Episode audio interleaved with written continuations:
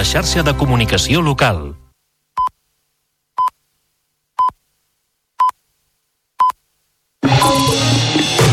Notícies en xarxa, edició matí. Amb Taís Trujillo. Bon dia. Pagesos i ramaders mantenen aquesta hora el bloqueig al Port de Tarragona i el tall a l'AP7 i la Nacional 2 a l'altura de Puntós, a l'Alt Empordà. Han passat la nit els tractors en aquests punts estratègics pel que fa a importacions de productes que consideren com a competència deslleial. Són unes accions que caldrà veure com evolucionen al llarg d'aquest dimecres després de les protagonitzades en les darreres hores també a Mercabarna, el referent del mercat majorista a Europa. Doncs així encapçarem el Notícies en xarxa d'aquest dimecres, 14 de febrer, i al punt de les 7 del matí repassem també altres titulars. Avui se sotmet a debat del Comitè de Peticions l'informe preliminar de la missió d'eurodiputats encapçalada pel PP que va visitar Catalunya per analitzar el model d'immersió lingüística. L'esborrany considera que caldria donar un tracte equivalent en l'ús de les dues llengües i parla de discurs d'odi contra les famílies que han exigit un 25% de castellà als tribunals. La Fundació Jaume Bofill proposa becar als estudiants de secundària amb dificultats econòmiques per aturar l'abandonament escolar prematur a Catalunya. Un índex que ara mateix se situa al 14%. Fins al 2030, aquesta proposta permetria arribar al 30% dels adolescents en situació de pobresa. La Guàrdia Civil i la Policia Nacional han desarticulat un grup criminal que explotava dones sexualment i ha alliberat sis víctimes a Manresa i Mollet del Vallès. La banda estava liderada per un home i una dona que obligaven les noies a estar disponibles les 24 hores del dia i les feien viure en condicions insalubres. En esports, el Barça vol seguir invicta a la Lliga F. Aquesta tarda intentarà sumar la 17a victòria en 17 jornades davant el tercer classificat, el Llevant. Tots dos equips ja es van enfrontar en la final de la Supercopa amb triomf i golejada per a les Blaugrana. I la Rua de l'Extermini tanca la darrera gran nit de festa al Carnaval de Sitges. Hi ha desfilat una quarantena de carrosses i més de 2.000 participants fent gala de disfresses i coreografies que han captivat novament al públic. Les celebracions s'acaben avui amb l'enterrament de Sa Majestat Carnestoltes. Repassats els titulars, ara obrim àrea de serveis. Volem saber com se circula aquesta hora per la xarxa viària catalana. Per tant, connectem amb el RAC i amb l'Àlex Huguet. Bon dia.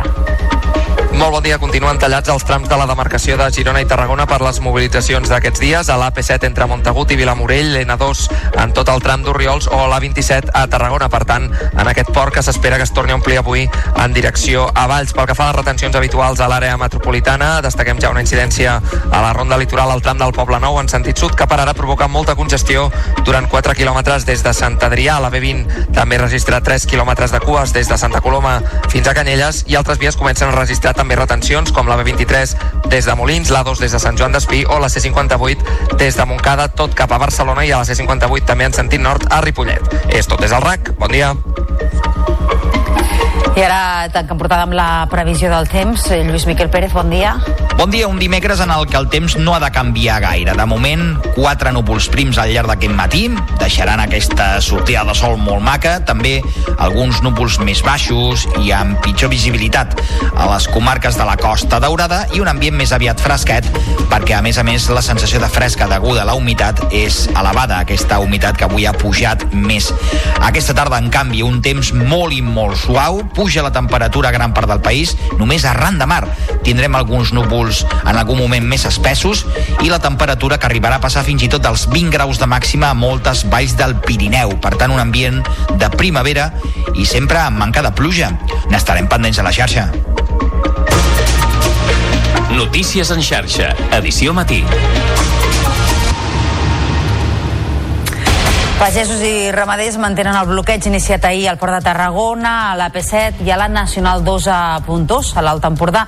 Han fet nit amb tractors i amb altres vehicles desplaçats en aquests punts d'importància logística per tal de denunciar el que consideren una competència deslleial en les importacions de productes.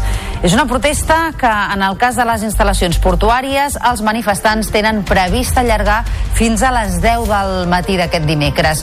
No descarten, però, convocar noves accions al llarg del dia després que la majoria dels pagesos vinguts de les Terres de l'Ebre i el Camp de Tarragona tornessin a nit a casa escortats pels Mossos d'Esquadra.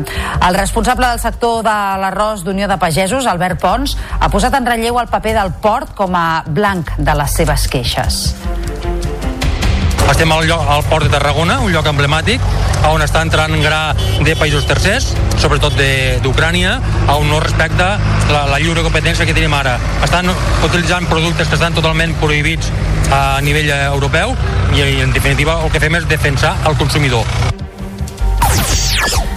L'altre punt d'atenció se centra a hores d'ara, com dèiem, a l'AP7 i la Nacional 2, a l'altura de Puntós. Són uns 300 pagesos han passat la nit després d'un bloqueig que ja fa gairebé 24 hores que dura. Els concentrats que han fet diverses barricades, cremant pneumàtics i troncs, asseguren que mantindran el tall fins que la Generalitat i l'Estat no els donin compromisos per solucionar els greuges que viu el sector. A més, també reclamant una reunió directa amb el ministre d'Agricultura, Luis Planes. Més enllà dels eh, punts calents, on ara mateix es mantenen les protestes, l'eix transversal també ha estat una de les artèries on els pagesos s'han concentrat fins passada la mitjanit. El tall s'ha fet a Gurb, a Osona, a la confluència entre la C-17 i la C-25 i ha aglutinat representants del sector primari de la Catalunya central. I una de les accions més icòniques en la protesta per les importacions és la que s'ha viscut a Mercabarna. Centenars de tractors van mantenir bloquejos parcials des del matí i fins a primera hora de la tarda els accessos al mercat majorista. L'impacte de l'acció va ser relatiu tenint en compte que els dimarts solen ser un dia fluix en l'activitat logística del mercat. A més, en previsió de problemes, molts transportistes van avançar l'entrada al recinte.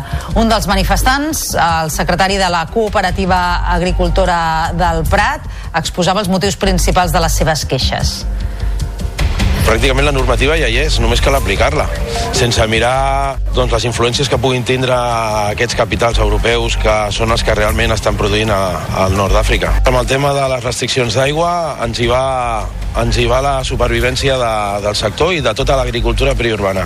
Si no, si no ho solucionem, estem morts, o sigui que és molt important. I de la seva banda, els pagesos del Ripollès eh, decidien tallar la frontera amb França al punt del Coll d'Ares. Una cinquantena de tractors es concentraven en aquest punt que consideren estratègic per fer sentir les seves reivindicacions enfront de les dificultats burocràtiques que els arriben des d'Europa. Un ramader de Ripoll, l'Enric Cabana, en posava un exemple que quan nosaltres abonem els camps, portem un remolc de fems, doncs hem de calcular el nitrat que tirem a aquell camp amb les hectàrees que té i això justificam el poder de treball d'ecològic. De, Després, per altra banda, ens demanen que hem de fer una altra uh, aplicació que es, es diu la DAN i allà també hem de passar la mateixa informació que passem en un lloc amb l'altre programa que acaba anant al mateix lloc. És una, una cosa tan simple que això mateix ja estem duplicant la informació. Davant les reclamacions del sector primari, el govern es compromet a ajornar la posada en marxa de qualsevol nou tràmit que depengui de la Generalitat i demanarà al Ministeri ajornar un cop més l'aplicació del quadern digital d'explotació. Són dues de les propostes que l'executiu de Pere Aragonès s'ha compromès a impulsar per tal d'agilitzar la burocràcia als pagesos. Ens ho explica la Carina Bellver. A banda de suspendre nous tràmits entre la bateria aprovada per agilitzar la burocràcia del sector primari, el govern també s'ha compromès a facilitar tràmits feixucs a través de declaracions responsables i ha publicat el calendari de pagaments d'ajuts a aquest sector. El mateix president aragonès també ha traslladat aquest dimarts al seu homòleg espanyol la necessitat d'ajornar un any més aplicació del quadern digital d'explotació, també rebaixar el preu del gasoil agrícola i canvis en la llei de la cadena alimentària. Escoltem Patricia Plaja, portaveu del govern. El govern ha estudiat les demandes i farà tot el que estigui al seu abast perquè deixin de ser això, demandes, i es converteixin en fites assolides.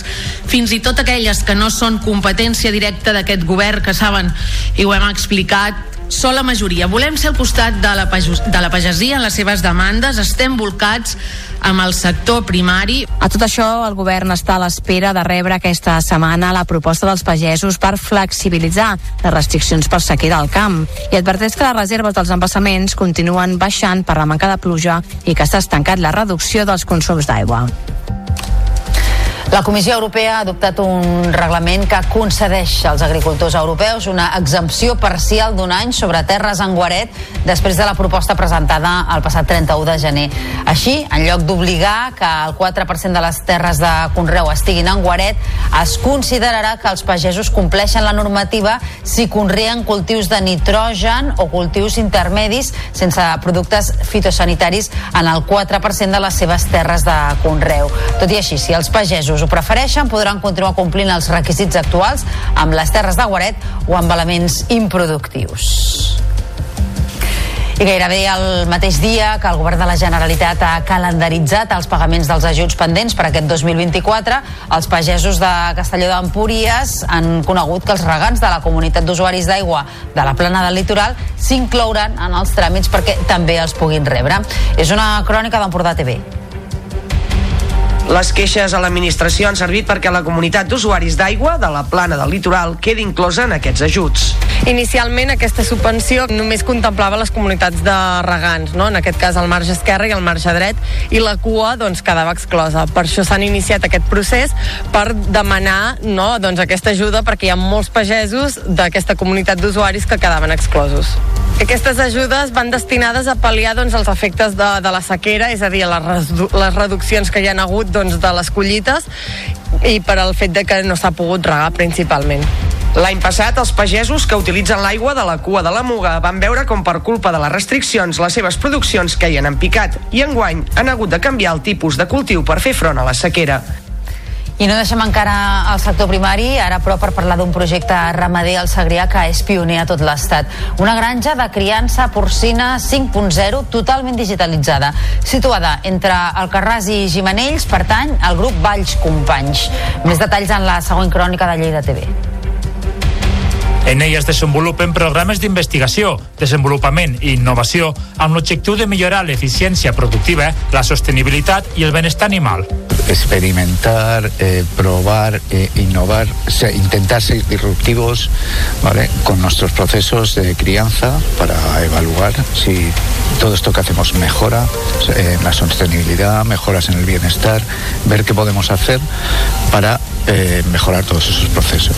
A la granja s'han desenvolupat 44 programes d'investigació amb col·laboració público-privada i d'altres desenvolupats internament, uns estudis que s'han agrupat en la nutrició animal i la sostenibilitat, així com en el control i el benestar animal, i que en molts casos s'han pogut aplicar en les granges del grup, creant resultats molt positius. Doncs hem pogut reduir més o menys un 20% la, la inclusió de, de la farina de soja als pinsos i doncs també reduir respecte al que marca la normativa no? un, el, els valors de referència un 50% a l'emissió de, de, de nitrogen. La granja va entrar en funcionament al 2018.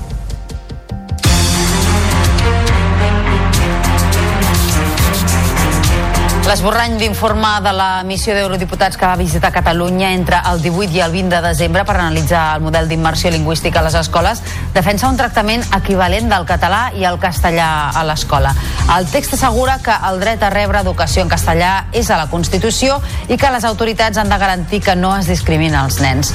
El document també parla d'intimidació i de discurs d'odi contra les famílies que han exigit el 25% de castellà als tribunals. I d'altra banda, el govern ha definit aquesta aquesta missió d'eurodiputats com una campanya de la dreta i de l'extrema dreta feta amb els recursos del Parlament Europeu i ho considera una taca negra a l'expedient de la Unió Europea. Precisament el govern català considera que el PP alimenta la catalanofòbia i que hauria de demanar perdó per la repressió dels darrers anys en comptes d'anar fent girs de guió que ha qualificat de delirants. La portaveu Patricia Plaja els ha equiparat a bombers piròmans i, per tant, els últims que haurien de parlar de reconciliació amb Catalunya no ens creiem les paraules de Feijó, les paraules del seu aparell i les paraules de qualsevol càrrec que vingui del Partit Popular. Els responsables de tanta repressió difícilment poden ser part de la solució. és inviable, això és allò de el bomber piròman i per tant mm, no, no encaixa. El que haurien de fer, torno a dir, és eh, demanar disculpes davant del conjunt de catalans i catalanes. I Esquerra Republicana ha afirmat que el PP va contactar amb ells per negociar una investidura de Feijó, però assegura que ho van rebutjar. I de la seva banda, el govern d'Espanya acusa els populars de tenir la mentida com a únic projecte polític. La portaveu de l'executiu, Pilar Alegria, ha criticat que el PP estudiés un indult per a Carles Puigdemont a canvi del suport de Junts per Catalunya a la investidura de Feijó. Segons Alegria, el balanç dels 100 primers dies d'oposició dels populars és demolidor. Mentides, opacitat i hipocresia.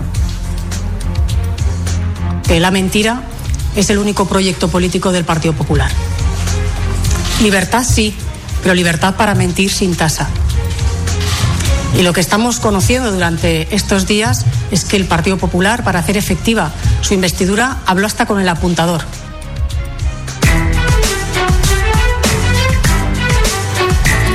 Ara un quart de vuit del matí. Us expliquem que la Fundació Jaume Bofill proposa becar als estudiants de secundària amb dificultats econòmiques per tal d'aturar l'abandonament escolar prematur a Catalunya, que se situa ara en el 14%. La proposta passa per beques, salaris de 6.000 euros l'any pels estudiants de batxillerat o de cicle mitjà de formació professional i de 3.000 en el cas dels alumnes de tercer o quart d'ESO. Ens ho explica l'Anna Ruiz. L'objectiu és que els adolescents no abandonin l'institut abans d'hora pels problemes econòmics de les seves famílies. I per aconseguir-ho, la Bofill proposa que les beques siguin un estímul per continuar a classe, una mena de beca salari pels estudiants de secundària. Són beques que no són ni per cobrir activitats extraescolars, ni activitats lectives, ni beques de menjador, són beques que s'han d'entendre com un estímul a mantenir el vincle amb la- amb l'escolarització, a tenir unes mínimes condicions eh, d'estudi en l'àmbit privat, familiar i a mantenir la motivació de, de, de continuar estudiant durant més, durant més temps. Fins al 2030, aquesta proposta de beques permetria arribar al 30% dels adolescents en situació de pobresa, amb una inversió global de 450 milions d'euros. En aquests moments, els estudiants de secundària més vulnerables a Catalunya només poden picar la porta del Ministeri. Catalunya no ha tingut mai una política pròpia de beques a l'estudi, tot i que el proper traspàs en la gestió dels ajuts acadèmics obre una finestra d'oportunitat. I més ajudes, el govern espanyol avalarà un 20% de l'hipoteca a joves menors de 35 anys i també a famílies amb menors a càrrec per tal d'adquirir el seu primer habitatge. Ho faran aquells casos que visquin de lloguer i que tinguin problemes per accedir a un préstec bancari. Així ho ha aprovat el Consell de Ministres. Perquè es concedeixi l'aval, l'habitatge ha de ser d'ús habitual i permanent. El sol·licitant ha de tenir ingressos estables i residència legal continuada a l'Estat els dos anys anteriors a la demanda. I d'altra banda, aquest mes de febrer entra en vigor la nova regulació del preu del lloguer que afectarà 140 municipis catalans. El text definitiu no acaba de fer el pes al sindicat de llogateres. En parlar el seu portaveu, Enric Aragonès. el PSOE està preparant un índex de preus que és molt elevat. És molt elevat i, a més a més, planteja una franja molt àmplia. I això la conseqüència que té és que la regulació eh, no faria baixar els preus del lloguer, perquè recordem que farà baixar aquells que estiguin per sobre de l'índex. Si l'índex ja és molt alt, tot el que farà aquesta regulació és congelar preus. Eh, I el que no podem fer és congelar i normalitzar la bombolla de lloguers més alta que hem tingut mai. L'empresa d'aire condicionat Hitachi ha comunicat als sindicats que pretén acomiadar 150 dels 560 treballadors de la planta que té a Vacarisses, al Vallès Occidental. Els sindicats ja han expressat el seu rebuig frontal a la mesura, ja que l'empresa ha presentat beneficis durant els darrers anys i acusen a la direcció actual de la companyia de fer una mala gestió. I la Guàrdia Civil i la Policia Nacional han desarticulat una xarxa criminal que obligava dones a prostituir-se a pisos de Manresa i de Mollet del Vallès. Hi ha 10 detinguts, entre ells els líders de la banda i 6 víctimes han estat alliberades. Segons fons policials, les captaven mitjançant l'engany a països d'Amèrica del Sud i també a Espanya. És una crònica de Canal Taronja Central.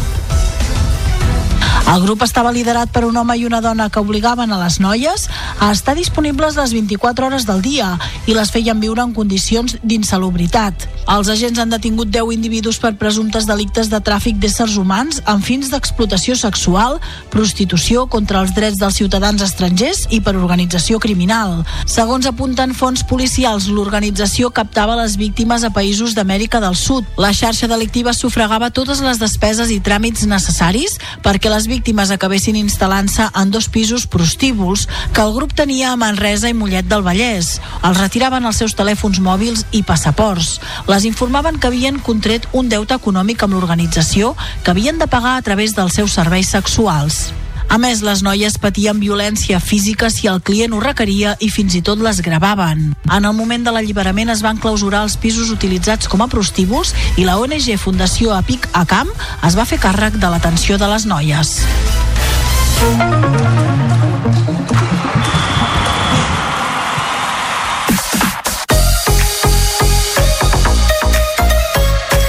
El Barça rep aquesta tarda el tercer classificat de la Lliga F, Llevant, en partit pendent de la jornada 14. Les Blaugrana, líders invictes, sumen 11 punts més que l'equip valencià, el qual van golejar per 7 a 0 en la final de la Supercopa. Alexia Putella serà baixa, tot i que aquesta setmana ha començat a entrenar amb el grup. Serà el primer dels dos partits que les de Giraldez jugaran aquesta setmana, abans de l'aturada pels compromisos de seleccions. El tècnic preveu un partit vistós ara mateix ens queden dues jornades abans de l'aturada de seleccions i hem de sumar els 6 punts. Eh, tenim un repte primer de tot, que és el, el Llevant, que té jugadores de molt nivell, que té una proposta molt valenta i crec que la gent que vingui a l'estadi, a l'estadi Johan Cruyff, gaudirà del partit perquè, perquè bueno, eh, hi ha molt nivell, eh, hi ha molta intensitat, hi ha propostes que són molt valentes Ricky Rubio anirà convocat amb la selecció espanyola per als partits de classificació per a l'Eurobàsquet de 2025, una fase que arrenca la setmana vinent. El del Masnou, que ha tornat a entrenar amb el Barça, debutarà abans amb el combinat que amb l'equip blaugrana. La llista del seleccionador Sergio Escariolo és per als partits del 22 i el 25 de febrer contra Letònia i Bèlgica. El tècnic explicava que el retorn del Bas a, a la selecció ha estat iniciativa del jugador. Me comentaba eh, simpáticamente y también eh, emotivamente, eh, románticamente me gustaría que mi primer partido oficial fuera con la selección, porque siento un vínculo especial. Pero lo primero que le dije fue, ahora oye, cuidadito, dimensionar la expectativa correctamente, El joventut s'ha assegurat la continuïtat d'un dels jugadors més determinants de la plantilla, Andrés Feliz. El dominicà ha signat una ampliació de contracte fins al 2026 amb l'entitat Berti Negra. Aquest curs és el setè màxim anotador de la competició domèstica i el sisè més valorat de la competició amb 16,4 punts de mitjana. Feliz valorava la confiança del club. Yo creo que esto es una oportunidad no solo para mí, sino también para mi familia. Y lo que me ha demostrado el club la confianza que, que creen en mí y bueno, yo estoy contento por eso. Me gustaría seguir, obviamente, motivando a los, a los jóvenes, que son los que en el día a día también nos dan, nos dan mucho, mucho aporte. Yo creo que eso también es importante para nosotros. I després de dos mesos d'aturada, avui es reprèn la Lliga de Campions d'handbol. El Barça juga a tres quarts de set a la pista del Good Medanès. Queden quatre jornades per tancar la Lligueta i els Blaugrana lideren el grup B amb dos punts més que el Magdeburg i quatre per sobre del Vesprem. El GOC és cinquè, vuit punts per sota dels de Carlos Ortega. El tècnic assenyala que el duel contra els danesos és clau. Sabemos que este partido es muy, muy importante para nosotros para intentar coger una de estas dos primeras plazas. Un equipo que, juega muy bien balonmano, sin ir más lejos, ganó claramente al Vespre, en, eh, no sé si creo que fue la última jornada antes del parón de la Champions y, y tenemos que hacer las cosas muy bien, ¿no? Para ganar.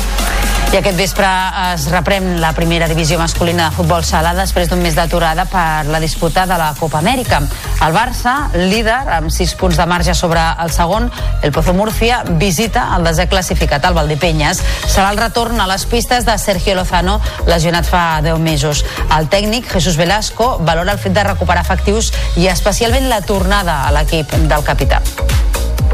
Llevaremos 12 jugadores, lo cual ya es un éxito solamente tres jugadores del segundo equipo, lo cual es, es, una hazaña ¿no? para, para cómo ha ido la, la, temporada.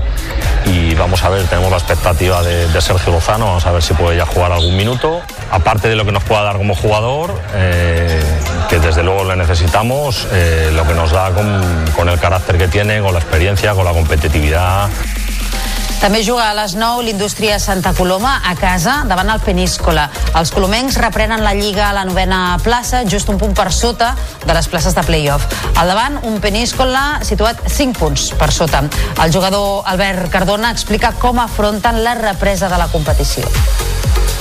Sabem que serà un partit molt complicat, serà un partit difícil. Ells tenen jugadors amb molt 1 contra 1 i amb molt joc de pivot i són molt verticals i sabem que els errors ens poden penalitzar molt, però bueno, eh, portem treballant unes quantes setmanes, eh, l'equip està molt bé, hem treballat bé, així que afrontem el partit amb moltes ganes i amb moltes ganes també que arribi aquesta, aquesta competició.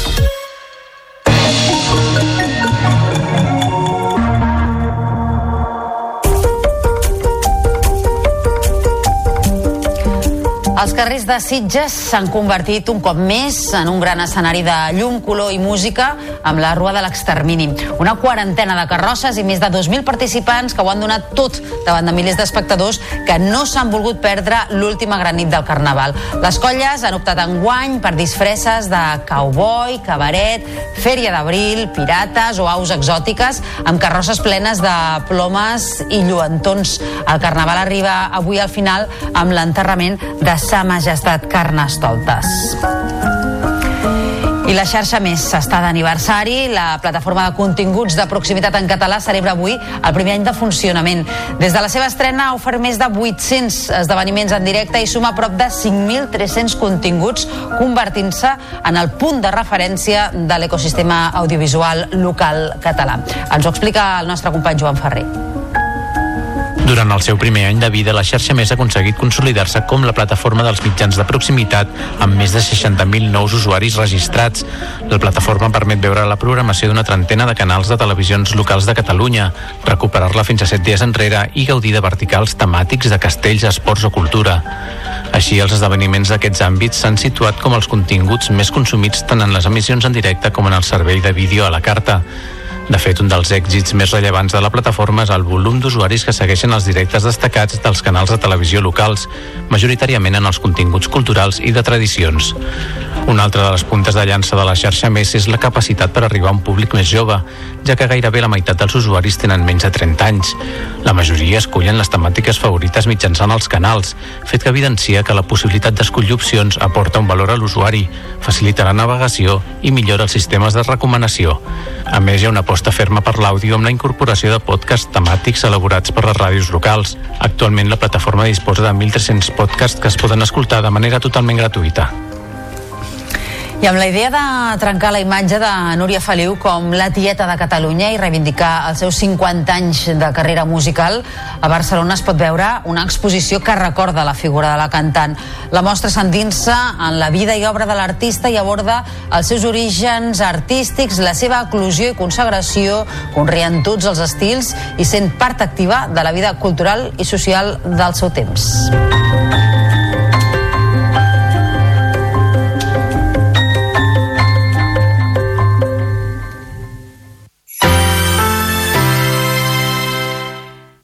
La xarxa de comunicació local. Torna la Magic Line del Sant Joan de Déu. Feu un equip d'entre 4 i 20 persones, marqueu-vos un repte econòmic solidari i trieu el vostre recorregut. El 17 de març caminarem per qui més ho necessita. Inscriu-te a magiclinesjb.org. Som el que compartim. Torna al Festival Subtraveling Inspira't en els grans, roda el teu curt i participa a Roda a TMB. Pots guanyar un viatge a Seul, una càmera professional, entre altres premis de cine. Més informació a subtravelingfestival.tmb.cat.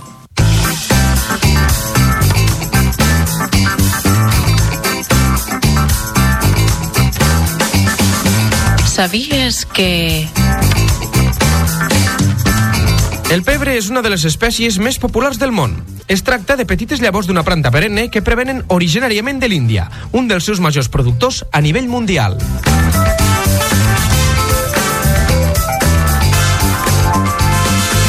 Depenent del tipus de pebre que vulguem obtenir, el temps de recolecció varia. Per pebre verd es recolecta el fruit immadur i es conserva en salmorra.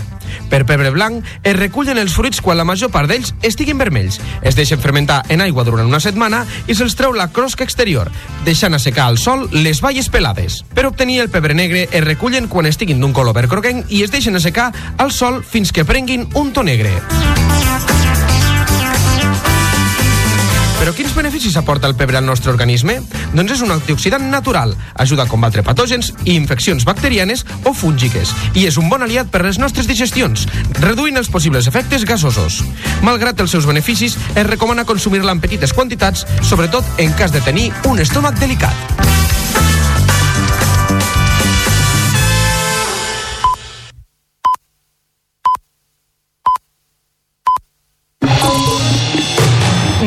Notícies en xarxa, edició matí. Amb Taís Trujillo. Bon dia, són dos quarts de vuit del matí i avui al Notícies en xarxa estem pendents del bloqueig que pagesos i ramaders mantenen a aquesta hora al Port de Tarragona i el tall a l'AP7 i la Nacional 2 a l'altura de Puntós, a l'Alta Empordà. Han passat la nit als tractors en aquests punts estratègics pel que fa a les importacions de productes que consideren com a competència deslleial. Són unes accions que caldrà veure com evolucionen al llarg d'aquest dimecres després de les protagonitzades en les darreres hores també a Mercabarna, referent del mercat majorista a Europa. De seguida us ho ampliem, abans però repassem també altres titulars d'aquest dimecres 14 de febrer. Avui se sotmet a debat del comitè de peticions l'informe preliminar de la missió d'eurodiputats encapçalada pel PP que va visitar Catalunya per analitzar el model d'immersió lingüística. L'esborrany considera que caldria donar un tracte equivalent en l'ús de les dues llengües i parla de discurs d'odi contra les famílies que han exigit un 25% de castellà als tribunals. La Fundació Jaume Bofill proposa becar als estudiants de secundària amb dificultats econòmiques per aturar l'abandonament escolar prematur a Catalunya. És un índex que ara mateix se situa al 14%. Fins al 2030, aquesta proposta permetria arribar al 30% dels adolescents en situació de pobresa. I en els propers minuts parlarem amb la presidenta de la coordinadora de familiars de residències 5 més 1, Maria José Carcelén, perquè aquesta entitat denuncia que les conclusions del grup de treball que ha analitzat l'impacte de la Covid-19 en les residències de gent gran té mancances i inexactituds. Per això aquest matí han convocat una protesta davant del Parlament de Catalunya. En esports, el Barça vol seguir invicta a la Lliga F. Aquesta tarda intentarà sumar la 17a victòria en 17 jornades davant el tercer classificat, el Llevant. Tots dos equips ja es van enfrontar en la final de la Supercopa amb triomf i golejada per a les Blaugrana. I la Rua de l'Extermini tanca la darrera gran nit de festa al Carnaval de Sitges. Hi han desfilat una quarantena de carrosses i més de 2.000 participants fent gala de disfresses i coreografies que han captivat novament al públic. Les celebracions s'acaben avui amb l'enterrament de Sa Majestat Carnestoltes. Repassats els titulars, ara obrim plana de serveis. Primer amb el trànsit. Segons el RAC, els pagesos tallen la P7 a aquesta hora en diversos punts entre Girona i Figueres, també la Nacional 2 a Oriols i a Tarragona, a l'altura del port, ocupen la 27. A l'àrea metropolitana ja hi ha les cues habituals, al Baix Llobregat, a la 2, enllaçant amb la B23 a Sant Joan d'Espí cap a Barcelona, a la C58 en els dos sentits de la marxa, des de Montcada i Reixac, i molta lentitud a la ronda litoral. I a la de dalt, molta congestió entre el Nus de la Trinitat i la Vall d'Hebron. I ara la previsió del temps. Aquest dimecres les temperatures continuen a l'alça i farà un dia de primavera.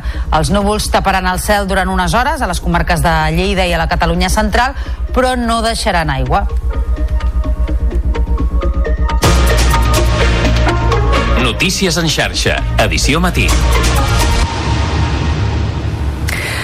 Pagesos i ramaders mantenen el bloqueig iniciat ahir al Port de Tarragona i a l'AP7 i la Nacional 2 a Puntós, a l'Alt Empordà. Han fet nit amb tractors i amb altres vehicles desplaçats en aquests punts d'importància logística per tal de denunciar el que consideren una competència deslleial en les importacions de productes. Una protesta que, en el cas de les instal·lacions portuàries, els manifestants tenen previst allargar fins a les 10 del matí d'aquest dimecres. No descarten, però, convocar noves accions al llarg del dia després que la majoria dels pagesos vinguts de les Terres de l'Ebre i del Camp de Tarragona tornessin a nit a casa escortats pels Mossos d'Esquadra. El responsable del sector de l'arròs, d'Unió de Pagesos, Albert Pons, ha posat en relleu el paper del port com a blanc de les seves queixes. Estem al, lloc, al port de Tarragona, un lloc emblemàtic, on està entrant gra de països tercers, sobretot d'Ucrània, on no respecta la, la lliure competència que tenim ara. Estan utilitzant productes que estan totalment prohibits a nivell eh, europeu i, en definitiva, el que fem és defensar el consumidor. L'altre punt d'atenció se centra a hores d'ara, com dèiem, a l'AP7 i la Nacional 2 a l'altura de Puntós, on uns 300 pagesos han passat la nit després d'un bloqueig que ja fa gairebé 24 hores que dura. Els concentrats que han fet diverses barricades cremant pneumàtics i troncs asseguren que mantindran el tall fins que la Generalitat i l'Estat no els donin compromisos per solucionar els greuges que viu el sector. A més, també reclamen una reunió directa amb el ministre d'Agricultura, Lluís Planes. I més enllà dels punts calents on ara mateix es mantenen les protestes, l'eix transversal també ha estat una de les artèries on els pagesos s'han concentrat fins la passada mitjanit. El tall s'ha fet a Gurb, a Osona, a la confluència entre la C-17 i la C-25 i ha aglutinat representants del sector primari de la Catalunya central. Una de les accions eh, més icòniques en la protesta per les importacions és la que s'ha viscut a Mercabarna. Centenars de tractors van mantenir bloquejos parcials des del matí i fins a primera hora de la tarda als accessos al mercat majorista. L'impacte de l'acció va ser relatiu, tenint en compte que els dimarts solen ser un dia fluix en l'activitat logística del mercat. A més, en previsió de problemes, molts transportistes van avançar l'entrada al recinte. Un dels manifestants, el secretari de la cooperativa agrícola del Prat, exposava els motius principals de les seves queixes. pràcticament la normativa ja hi és, només cal aplicar-la sense mirar doncs, les influències que puguin tindre aquests capitals europeus que són els que realment estan produint a, al nord d'Àfrica. Amb el tema de les restriccions d'aigua ens, hi va, ens hi va la supervivència de, del sector i de tota l'agricultura periurbana. Si no, si no ho solucionem estem morts, o sigui que és molt important. De la seva banda, els pagesos del Ripollès decidien tallar la frontera amb França al punt del coll d'Ares. Una cinquantena de tractors es concentraven en aquest punt, que consideren estratègic per fer sentir les seves reivindicacions enfront de les dificultats burocràtiques que els arriben des d'Europa. Un ramader de Ripoll, l'Enric Cabana, en posava un exemple. Quan nosaltres abonem els camps, portem un remolc de fems, doncs hem de calcular el nitrat que tirem a aquell camp amb les hectàrees que té i això justificava el poder de treball de- d'ecològic. Després, per altra banda, ens demanen que hem de fer una altra eh, aplicació que es, es diu l'ADAN i allà també hem de passar la mateixa informació que passem en un lloc amb l'altre programa que acaba anant al mateix lloc. És una, una cosa tan simple que això mateix ja estem duplicant la informació. Davant les reclamacions del sector primari, el govern es compromet a ajornar la posada en marxa de qualsevol nou tràmit que depengui de la Generalitat i demanarà al Ministeri ajornar un cop més l'aplicació del quadern digital d'explotació. Són dues de les propostes que l'executiu de Pere Aragonès s'ha compromès a impulsar per tal d'agilitzar la burocràcia als pagesos. Ens ho explica la Carina Vallvé. A banda de suspendre nous tràmits, entre la bateria aprovada per agilitzar la burocràcia del sector primari, el govern també s'ha compromès a facilitar tràmits feixucs a través de declaracions responsables i ha publicat el calendari de pagaments d'ajuts a aquest sector. El mateix president aragonès també ha traslladat aquest dimarts al seu homòleg espanyol la necessitat d'ajornar un any més l'aplicació del quadern digital d'explotació, també rebaixar el preu del gasoil agrícola i canvis en la llei de la cadena alimentària. Escoltem Patricia Plaja, portaveu del govern. El govern ha estudiat les demandes i farà tot el que estigui al seu abast perquè deixin de ser això, demandes, i es converteixin en fites assolides. Fins i tot aquelles que no són competència directa d'aquest govern, que saben, i ho hem explicat, sola majoria. Volem ser al costat de la, de la pagesia en les seves demandes, estem volcats amb el sector primari. A tot això, el govern està a l'espera de rebre aquesta setmana la proposta dels pagesos per flexibilitzar les restriccions per sequera al camp i adverteix que les reserves dels embassaments continuen baixant per la manca de pluja i que s'ha estancat la reducció dels consums d'aigua.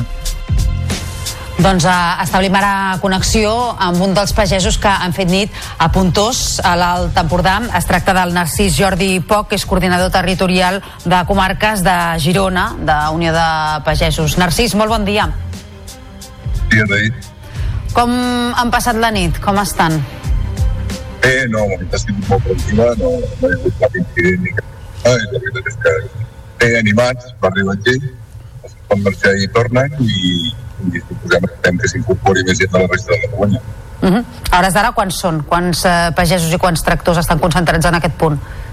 Ara hi deu haver uns 150 tractors encara concentrats en 100, 200, 200, entre 150 i 200 i pagesos deu haver-hi uns 300 pagesos. Ja. Suficient per fer aquest bloqueig, eh? Um, com estan els ànims i com es preveu la jornada d'avui? Els ànims, la gent està bé, la jornada d'avui esmorzarem, tot just uh, i després doncs, quan tinguem gent aquí farem una assemblea, explicarem com estan les coses i bueno, prendrem fem doncs, una mica el pols de la situació i a veure com, com ho continuem. Eh, saben ja fins quan està previst allargar el bloqueig o depèn d'aquesta assemblea? Tot avui, en principi, el, el bloqueig està previst per tot avui, per demà. Per demà aquesta nit. Doncs eh, anirem fent seguiment. Narcís Jordi Poc, coordinador territorial de Comarques de Girona d'Unió de Pagesos. Gràcies per haver-nos atès aquest matí. Molt bon dia. Bon dia, gràcies a vosaltres. Adéu. Notícies en xarxa. Tot el que cal saber quan comença un nou dia.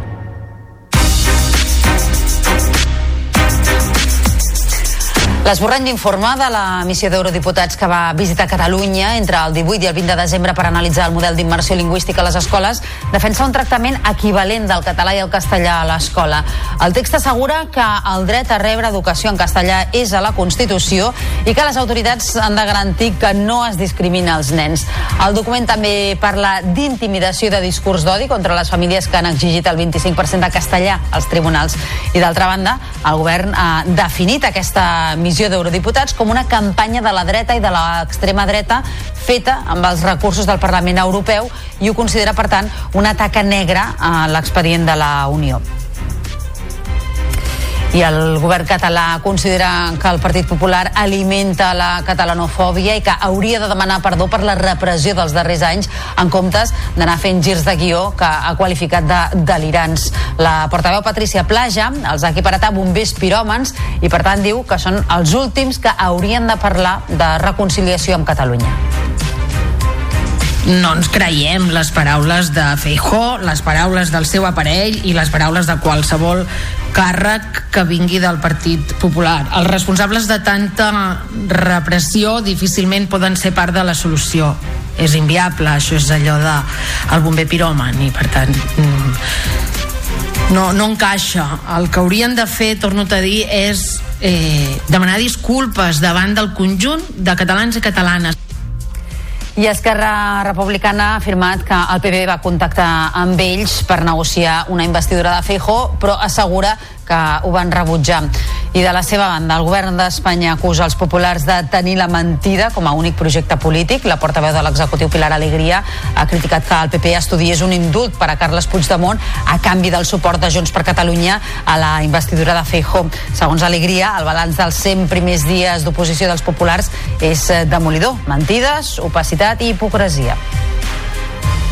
La mentira es el único proyecto político del Partido Popular. Libertad sí, pero libertad para mentir sin tasa. Y lo que estamos conociendo durante estos días es que el Partido Popular, para hacer efectiva su investidura, habló hasta con el apuntador.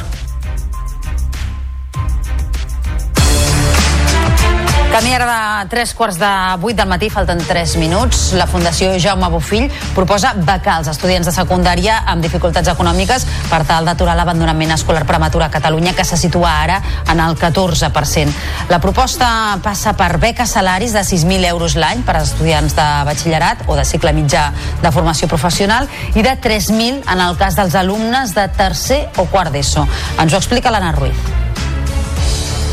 L'objectiu és que els adolescents no abandonin l'institut abans d'hora pels problemes econòmics de les seves famílies. I per aconseguir-ho, la Bofill proposa que les beques siguin un estímul per continuar a classe, una mena de beca salari pels estudiants de secundària. Són beques que no són ni per cobrir activitats extraescolars, ni activitats lectives, ni beques de menjador, són beques que s'han d'entendre com un estímul a mantenir el vincle amb la- amb l'escolarització, a tenir unes mínimes condicions eh, d'estudi en l'àmbit privat, familiar i a mantenir la motivació de, de, de continuar estudiant durant més, durant més temps. Fins al 2030, aquesta proposta de beques permetria arribar al 30% dels adolescents en situació de pobresa, amb una inversió global de 450 milions d'euros. En aquests moments, els estudiants de secundària més vulnerables a Catalunya només poden picar la porta del Ministeri. Catalunya no ha tingut mai una política pròpia de beques a l'estudi, tot i que el proper traspàs en la gestió dels ajuts acadèmics obre una finestra d'oportunitat. I més ajudes. El govern espanyol avalarà un 20% de l'hipoteca a joves menors de 35 anys i també a famílies amb menors a càrrec per tal d'adquirir el seu primer habitatge. Ho farà en aquells casos que visquin de lloguer i que tinguin problemes per accedir a un préstec bancari. Així ho ha aprovat el Consell de Ministres perquè es concedeixi l'aval, l'habitatge ha de ser d'ús habitual i permanent, el sol·licitant ha de tenir ingressos estables i residència legal continuada a l'Estat els dos anys anteriors a la petició. I d'altra banda, aquest mes de febrer entra en vigor també la nova regulació del preu del lloguer que afectarà 140 municipis catalans. El text definitiu no acaba de fer el pes al sindicat de llogateres. En parla el seu portaveu Enric Aragonès. que el PSOE està preparant un índex de preus que és molt elevat. És molt elevat i, a més a més, planteja una franja molt àmplia. I això la conseqüència que té és que la regulació eh, no faria baixar els preus del lloguer, perquè recordem que farà baixar aquells que estiguin per sobre de l'índex. Si l'índex ja és molt alt, tot el que farà aquesta regulació és congelar preus. Eh, I el que no podem fer és congelar i normalitzar la bombolla de lloguers més alta que hem tingut mai. L'empresa d'aire condicionat Hitachi ha comunicat als sindicats que pretén acomiadar 150 dels 560 treballadors de la planta que hi ha a Vacarisses, al Vallès Occidental. Els sindicats ja han expressat el seu rebuig frontal a la mesura, ja que l'empresa ha presentat beneficis durant els darrers anys i acusen a la direcció actual de la companyia de fer una mala gestió. I ara canviem de qüestió perquè avui, a tres quarts de deu d'aquest matí, la coordinadora de familiars de residència 5 més 1 ha convocat una protesta a davant del Parlament de Catalunya per denunciar les mancances i les inexactituds de les conclusions del grup de treball que ha analitzat l'impacte de la Covid-19 en les residències de la gent gran. Sobre aquestes conclusions i sobre la controvèrsia que han generat en volem parlar amb Maria José Carcelén, que és la presidenta d'aquesta entitat. Senyora Carcelén, molt bon dia. Bon dia. Per situar-nos, quines són les principals conclusions a les quals ha arribat eh, aquest grup de treball? Mireu, a nosaltres només que les conclusions a les que ha arribat ens preocupa a les que no s'han arribat i aquestes són les raons per les quals nosaltres convoquem concentració. Mireu, d'entrada el que pensem és que aquestes conclusions són una burla als morts i a les famílies. Uh, I convoquem aquesta concentració per què? Per diverses raons. Mireu, algunes per nosaltres són directament mentida i, i sembla que no hagin estat uh, escoltant a les mateixes persones al grup de treball ni hagin llegit els mateixos documents. Eh, perquè es diu en aquestes conclusions? Que les derivacions dels residents al sistema hospitalari es van prendre seguint criteris mèdics. Mm, la veritat és que fins mitjans d'abril de, de 2020 hi va haver un tancament total dels hospitals per a la gent gran. Però és que això no, no ho hem dit nosaltres només, ho han dit moltíssima gent de diversos uh, orígens, uh, de diversos tipus d'entitats a la, a la mateixa al sí d'aquest grup de treball. Molta gent va parlar de moltíssimes dificultats i gent directament d'exclusió sanitària. Per tant, nosaltres pensem que això no es correspon ni de bon tros amb el que va passar. Segon, hi ha omissions que són molt importants, però molt importants, com la, com la que va fer un alt càrrec de drets socials, que deia, cito textualment, eh, les diagnosis dutes a terme pel Departament de Salut a partir de l'assumpció de les competències va determinar que només un terç del total de residències podien estar en disposició d'atendre casos possibles, probables o confirmats de Covid-19, però sense gravetat. Això no hi és. I mireu si és important que malgrat això que reconeix el, el mateix govern, no? Eh, entre 1 de març i, i 30 d'abril, el 71,82% dels residents van morir dins de les residències. Això són 2.798 persones que van morir sense atenció sanitària perquè no es podia donar atenció sanitària i que no van anar als hospitals, que van morir en condicions absolutament indignes, sense accés ni a pal·liatius. I això que jo estic dient ho ha dit des de Metges Sense Frontera, Amnistia Internacional i molta altra gent. No? Si, si hi ha omissió d'això que és tan important eh, i estem dient, a més a més, que és que les derivacions van ser eh, senzillament per seguir criteris mèdics nosaltres només podem que criticar aquestes conclusions perquè el més important era determinar què va passar. I després hi ha, hi ha, hi ha aspectes. Això per nosaltres és, és, és la, el ruell de l'ou de, la, de la nostra oposició no? però després també hi ha coses importants. Mireu, si hem d'analitzar què va passar hem de valorar totes les mancances. I aquí hi ha moltes mancances de les que no es parlen. Eh, per exemple, un tema que va ser molt important eh, és el tema de la grandària de les, de les residències i de les habitacions compartides, perquè hi ha hagut moltíssims moltíssim, eh, estudis, eh, tant a Espanya, no sé, doncs, per exemple el d'Ararteco, al País Basc, eh, eh, molts a Escòcia, als Estats Units, eh, la, la, la mateixa Maria Victoria Zunzunegui, que és una epidemiòloga de reconegut prestigi, va dir que la grandària va ser un factor que, de que l'extensió de, la, de la pandèmia fos molt més gran i que hi hagués més puntalles i més morts. Si volem fer un diagno una, un, una diagnosi bona, hem de tenir en compte aquests aspectes, perquè es termina que quan tu fas propostes, fas propostes de residències més petites, amb habitacions individuals, per això nosaltres considerem que aquestes, uh, aquestes conclusions uh, no entren a fons, tampoc es fan propostes de futur concretes, perquè mireu, eh, nosaltres venim escoltant de que hem de canviar el model, de que ha, ha d'haver més gent, jo crec, jo crec recordar que des de 2019, inclús abans, no? I ara tornem una altra vegada a fer un document en el que es parla de coses genèriques. Eh, sí, hem de canviar les ràtios. No, senyors, fem una cosa concreta. Valorem bé què va passar, quina situació teníem i després fem propostes de futur, amb dades, amb dades. No es pot parlar de, sí, no, la inspecció no anava bé, no. Quina inspecció volem? Què volem? Qui, qui, quines coses s'ha de valorar? Quantifiquem el personal que cal, nosaltres pensem que, que menys d'un inspector per cada, per cada 15 residències és no tenir control. Considerem que un agricultor per cada 4 residents, eh, si no fem això, tampoc és, tenir un, és fer un canvi, no? I residències més petites. O sigui, les, les propostes de futur per nosaltres són paraules, paraules i paraules. Senyora Carcelena, aquest informe s'ha aprovat amb els vots del PSC, d'Esquerra i també de Junts per Catalunya. Sobretot Esquerra, que és el partit que governa. Uh, què li mhm. demanen? Avui es manifesten davant del Parlament. Quina és la petició concreta? És que mireu, ja ho han votat.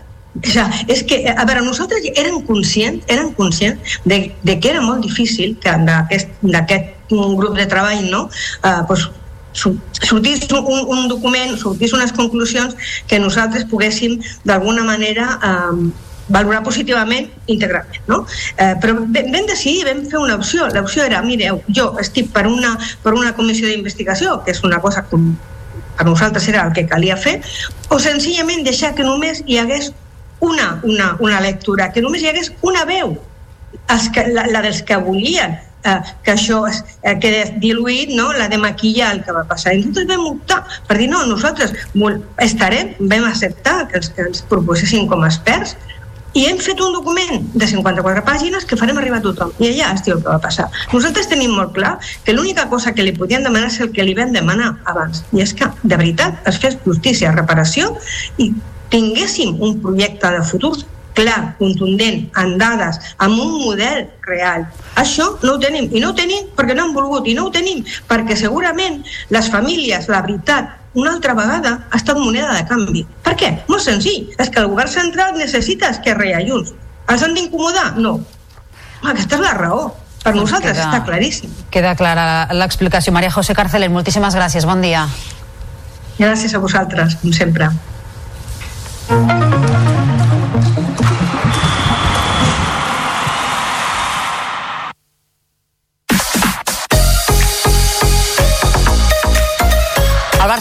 Rep aquesta tarda el tercer classificat de la Lliga F, Llevant, en partit pendent de la jornada 14.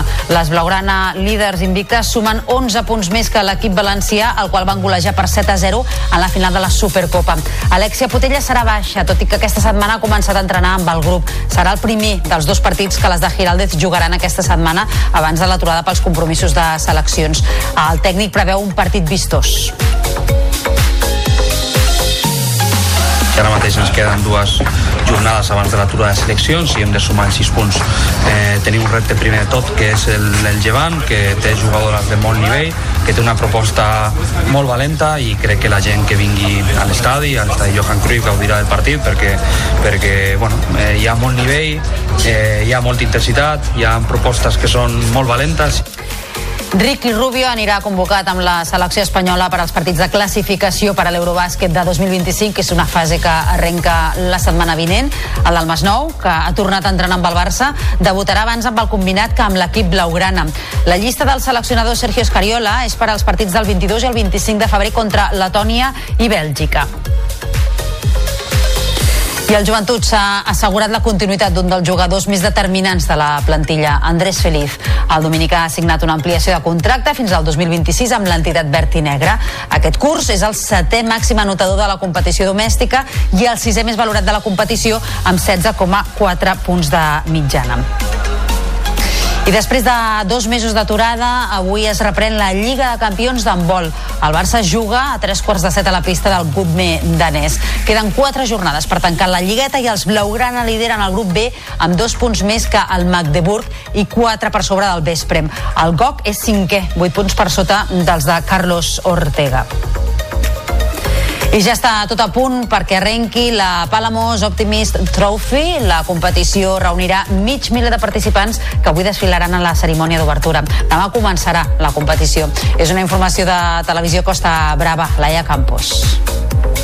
La platja de Palamós des d'avui ja llueix així, amb moltes veles que formen un paisatge que mostra que ja és moment de viure una nova edició de la regata infantil de caràcter internacional més destacada que viu any rere any la Vila Palamosina.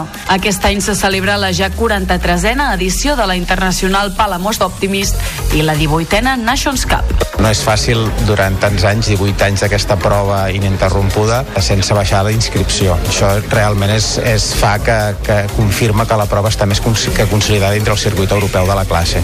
Un any més, aquesta regata estem arribant als 550 inscrits, que és el que marquem com a tope d'inscripció. Em sembla que des de que vam posar aquest tope cada any l'hem anat complint, per tant és un èxit. 24 països, també és un èxit en aquest sentit. Estem a prop de la frontera, per tant, eh, amb, amb, a un dia de viatge de molts llocs d'Europa, La competició se celebrarà del 14 al 18 de febrer.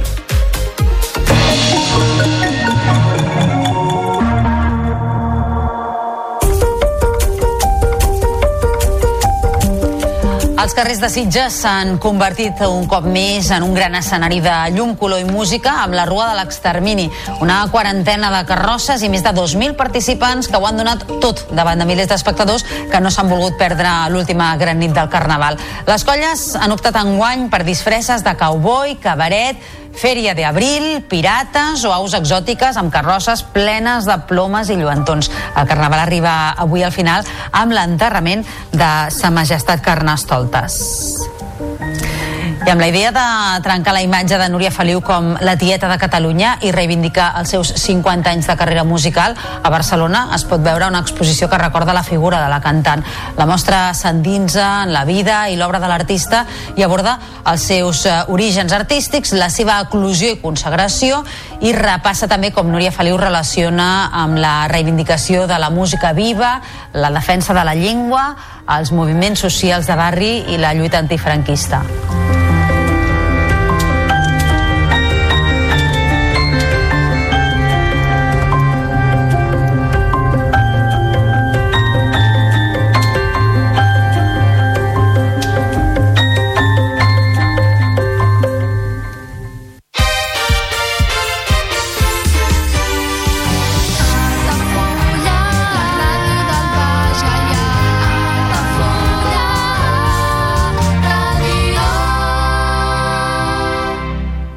Ja coneixes les propostes que t'ofereix el Club Marítim Altafulla? Vine i descobreix totes les nostres activitats. Sortides en caiac o pa del surf, cursos de vela per a totes les edats. No t'ho perdis. Club Marítim Altafulla.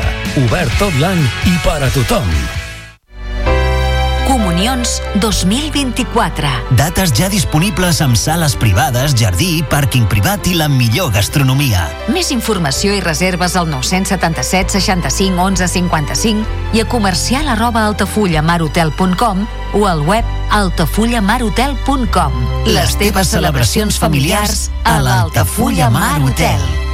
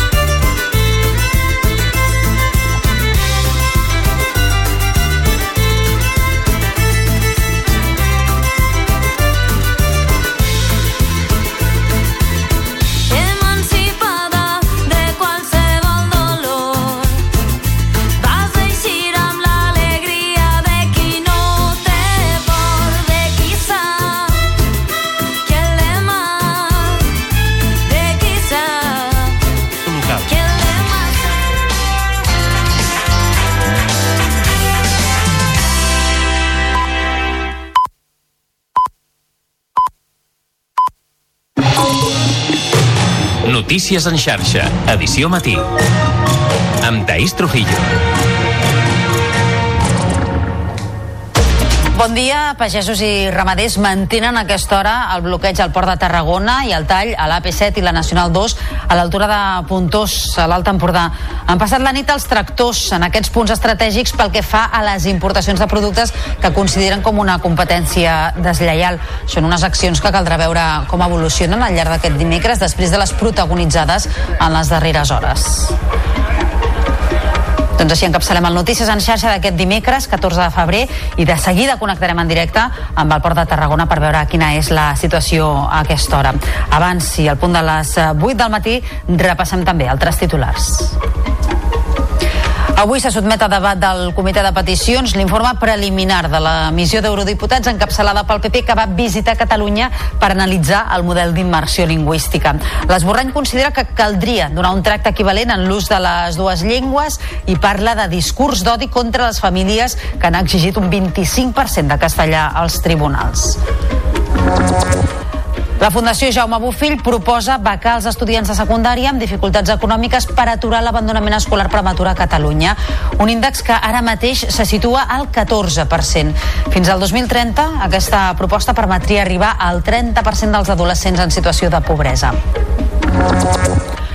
El Parlament de Catalunya constata la gestió deficient dels geriàtrics durant la pandèmia. Tot i això, aquest matí la coordinadora de familiars de residència 5 més 1 ha convocat una protesta davant de la cambra perquè hi veuen moltes mancances en l'informe del grup de treball. En esports, el Barça vol seguir invicta a la Lliga F. Aquesta tarda intentarà sumar la 17a victòria en 17 jornades davant el tercer classificat, el Llevant. Tots dos equips ja es van enfrontar a la final de la Supercopa amb triomf i golejada per a les Blaugrana. I la Rua de l'Extermini tanca la darrera gran nit de festa al Carnaval de Sitges. Hi han desfilat una quarantena de carrosses i més de 2.000 participants fent gala de disfresses i coreografies que han captivat novament al públic. Les celebracions s'acaben avui amb l'enterrament de Sa Majestat Carnestoltes. Repassats els titulars, ara obrim àrea de serveis. En primer lloc, volem saber quin temps farà de cara a aquest dimecres. Eh, Lluís Miquel Pérez, molt bon dia. Bon dia, Taís. Doncs avui l'enterrament de la sardina que ve amb una primavera que està més viva que mai, perquè puja la temperatura. Ha de ser la notícia més destacable de la meteo del nostre país d'aquest dimecres. De moment, aquest matí sí que fa una mica de fresca, tenim alguna petita gelada a les valls del Pirineu i un cel emblanquinat. Comencen a aparèixer núvols prims que, de fet, al llarg del matí s'aniran fent més extensos, però sense pena ni glòria. També algun núvol una mica més baix, més amenaçador, fruit de la humitat, apareixerà a la costa daurada. De fet, aquesta tarda és quan tindrem més d'aquests núvols més baixos, a Rapatxa Mar, sobretot a la costa de Barcelona i la costa daurada. Núvols sense pluja a la resta del país, un cel simplement emblanquinat, com dèiem, i sobretot amb aquestes temperatures que no tindran res a veure per un 14 de febrer normal, perquè estarem parlant que algunes màximes aquesta tarda fregaran els 25 graus, déu nhi a les comarques de l'interior de Girona. I n'estarem pendents a la xarxa. Notícies en xarxa, edició matí.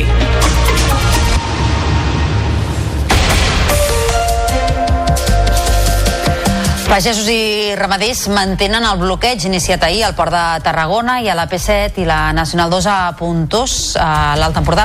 Han fet nit amb tractors i amb altres vehicles desplaçats en aquests punts d'importància logística per tal de denunciar el que consideren una competència deslleial en les importacions de productes. Connectem en directe amb les companyes de Canal Reus eh, Televisió, la Mireia Llançà i la Clara Marquiegui, que es troben al Port de Tarragona. Clara, molt bon dia. Molt bon dia, companya. Doncs efectivament, com bé deies, des de primera hora del matí d'ahir, dimarts, eh, que aquests pagesos es concentraven aquí a les portes del Port del Tarragona, una ubicació que triaven precisament perquè la veuen com l'entrada d'aquestes mercaderies que els acaben provocant aquesta competència deslleial. Els Mossos d'Esquadra ahir eh, donaven xifres de fins a uns 500 tractors.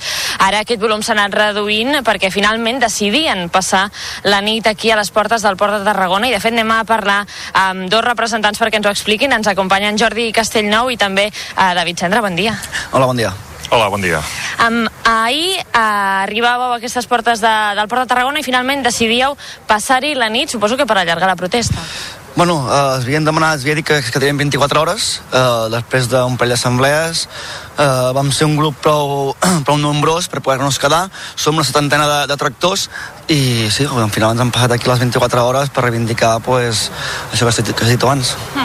Una setantena de tractors que, com veieu, eh, encara hi són ara mateix en aquest matí de dimecres. Eh, Jordi Castellnou, quin és una mica el balanç que podeu fer hores d'ara d'aquesta acció que heu dut a terme aquí al Port de Tarragona?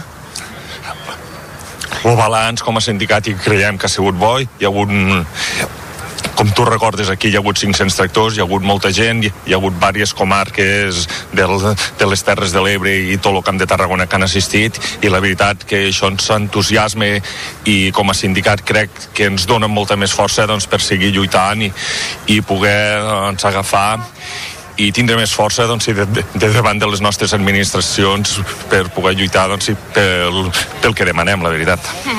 És una mostra que aquestes reivindicacions eh, que, que explicàveu són reals, no? I si no m'equivoco, eren eh, els preus baixos també, però la gestió de la sequera que s'estava fent.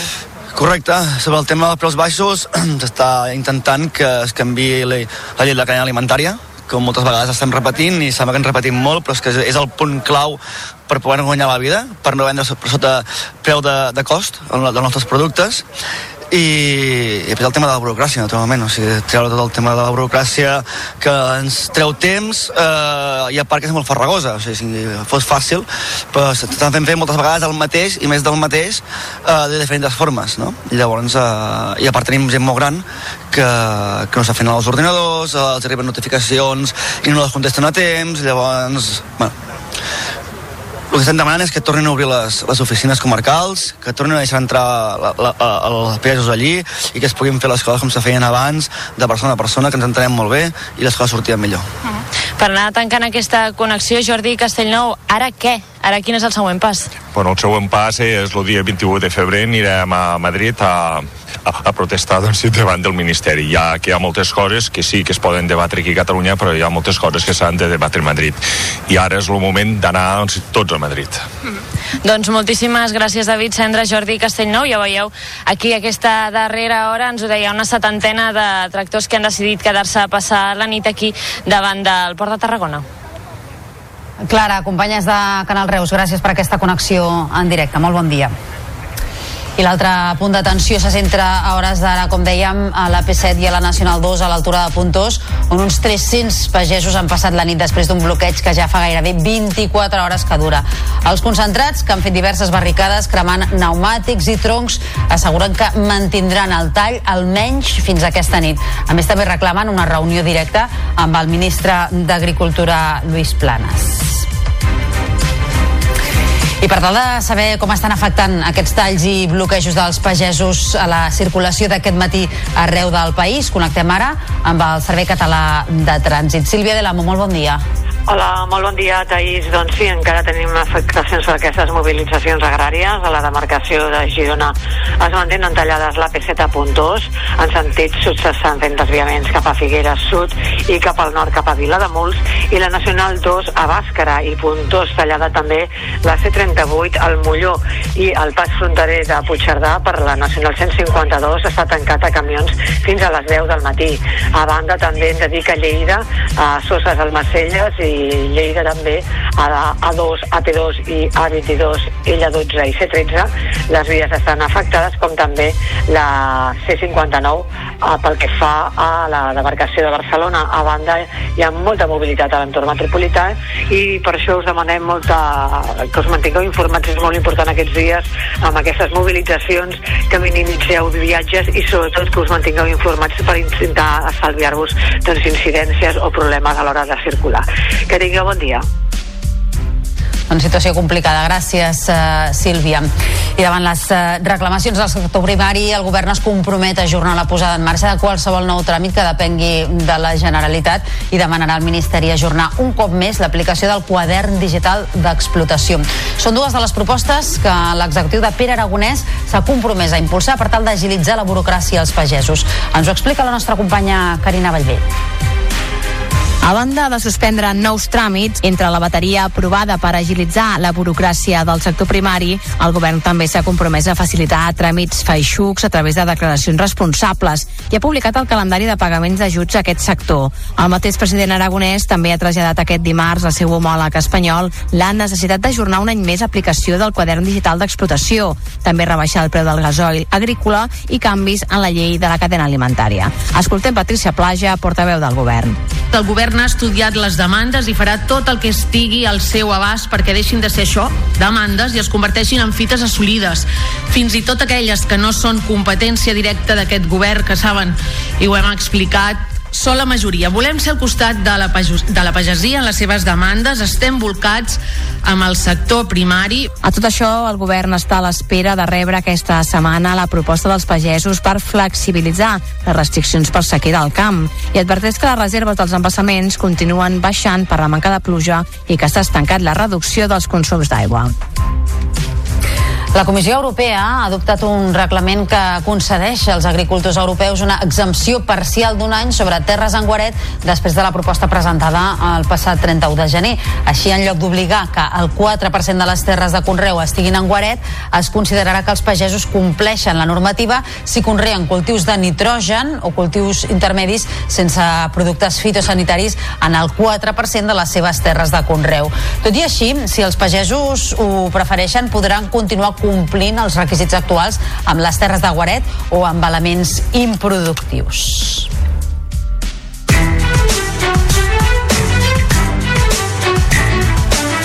L'esborrany d'informe de la missió d'eurodiputats que va visitar Catalunya entre el 18 i el 20 de desembre per analitzar el model d'immersió lingüística a les escoles defensa un tractament equivalent del català i el castellà a l'escola. El text assegura que el dret a rebre educació en castellà és a la Constitució i que les autoritats han de garantir que no es discrimina els nens. El document també parla d'intimidació i de discurs de l'odi contra les famílies que han exigit el 25% de castellà als tribunals. I d'altra banda, el govern ha definit aquesta missió d'eurodiputats com una campanya de la dreta i de l'extrema dreta feta amb els recursos del Parlament Europeu i ho considera una taca negra a l'expedient de la Unió. I Esquerra Republicana ha afirmat que el PP va contactar amb ells per negociar una investidura de Feijó, però assegura que ho van rebutjar. I de la seva banda, el govern d'Espanya acusa els populars de tenir la mentida com a únic projecte polític. La portaveu de l'executiu Pilar Alegria ha criticat que el PP estudiés un indult per a Carles Puigdemont a canvi del suport de Junts per Catalunya a la investidura de Feijó. Segons Alegria, el balanç dels 100 primers dies d'oposició dels populars és demolidor. Parla de mentides, opacitat que la mentira es el único proyecto político del Partido Popular. Libertad sí, pero libertad para mentir sin tasa. Y lo que estamos conociendo durante estos días es que el Partido Popular, para hacer efectiva su investidura, habló hasta con el apuntador.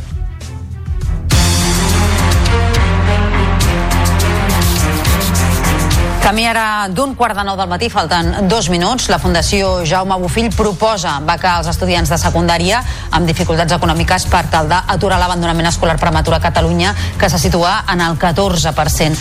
La proposta passa per beques salaris de 6.000 euros l'any pels estudiants de batxillerat o de cicle mitjà de formació professional i de 3.000 en el cas dels alumnes de tercer o quart d'ESO. Ens ho explica l'Anna Ruiz. L'objectiu és que els adolescents no abandonin l'institut abans d'hora pels problemes econòmics de les seves famílies. I per aconseguir-ho, la Bofill proposa que les beques siguin un estímul per continuar a classe, una mena de beca salari pels estudiants de secundària.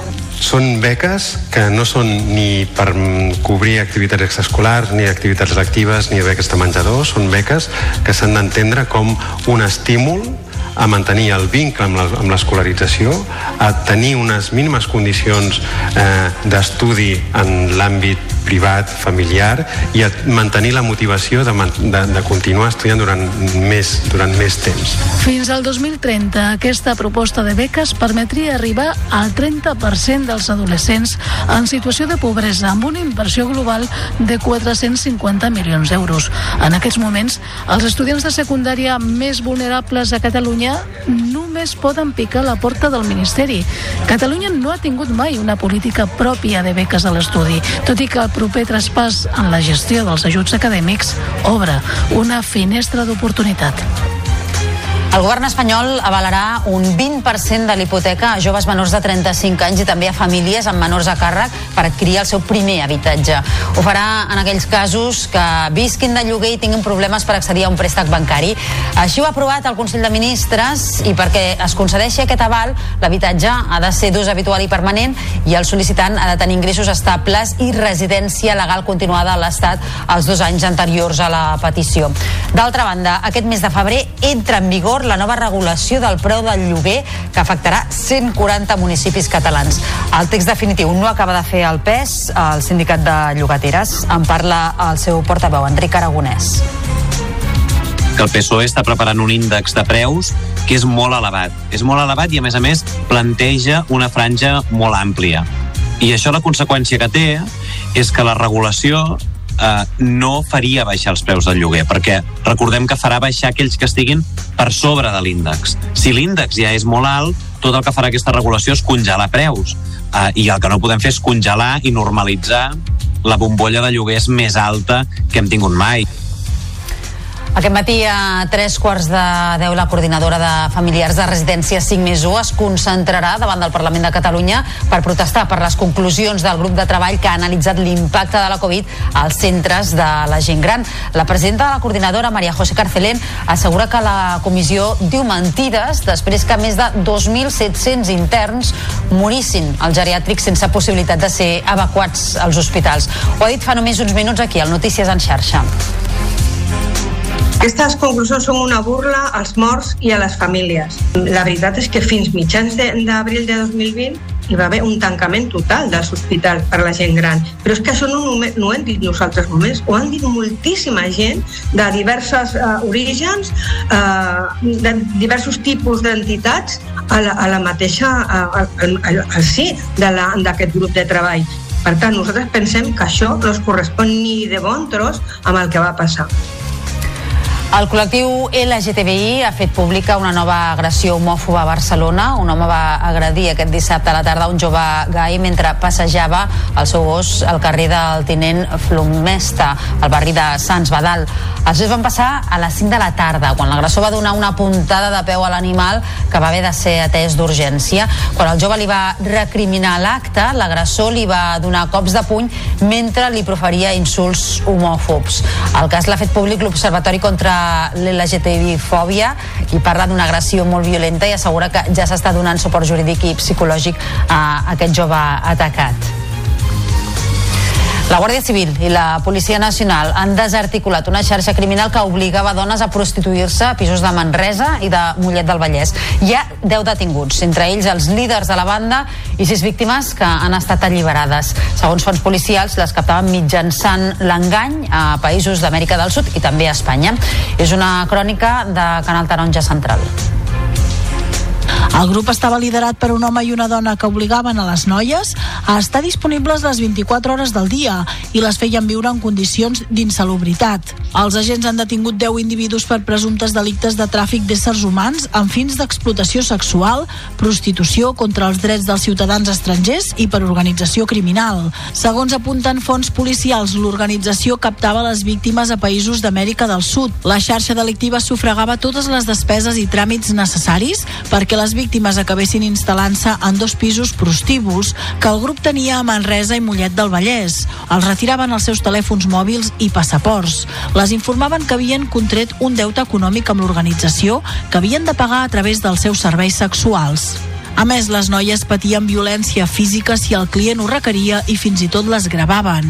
En el moment de l'alliberament es van clausurar els pisos utilitzats com a prostíbuls i la ONG Fundació Apic Acam es va fer càrrec de l'atenció de les noies. Ha començat el judici contra l'exgerent del Patronat de Turisme de l'Espluga de Francolí acusat d'abusar sexualment d'una treballadora que pateix ceguesa total. Els fets van passar fa 8 anys. En la primera jornada ha declarat la noia de forma telemàtica i a porta tancada durant més de 3 hores. A l'Audiència de Tarragona hi han anat els companys de TAC12. Més enllà de la víctima, sí que ha declarat ja aquest dimarts la seva mare, que ha relatat els canvis d'humor de la seva filla durant els mesos en què van succeir els fets i l'aparició d'algunes taques de sang a la seva roba. Els fets haurien ocorregut entre els anys 2015 i 2016, quan, segons l'escrit de la Fiscalia, l'acusat hauria aprofitat la seva posició de superioritat laboral per mantenir relacions sexuals no consentides amb la víctima al mateix lloc de treball i utilitzant la força física. També reflexa l'escrit que s'aprofitava de la situació de vulnerabilitat de la víctima, que pateix una deficiència visual del 100%. Per tot això, tant la Fiscalia com l'acusació particular demanen per l'acusat una pena de 18 anys de presó i 8 més de llibertat vigilada. A l'inici de la sessió també hi apareixia personada la Generalitat com a acusació popular, però el tribunal l'ha acabat expulsant del procés per qüestions jurídiques. A més de la pena de presó, es reclama tant a l'acusat com a l'Ajuntament de l'Espluga com a responsable civil subsidiari una indemnització de 50.000 euros.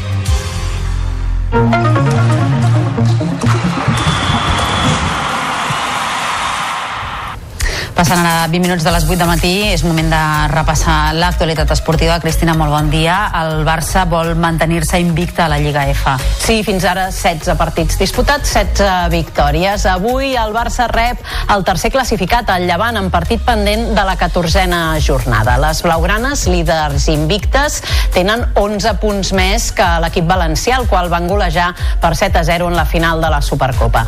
Alexia Putelles encara serà baixa, tot i que aquesta setmana ja ha començat a entrenar-se amb el grup. Serà el primer dels dos partits que les de Giraldez jugaran aquesta setmana abans de l'aturada pels compromisos de seleccions.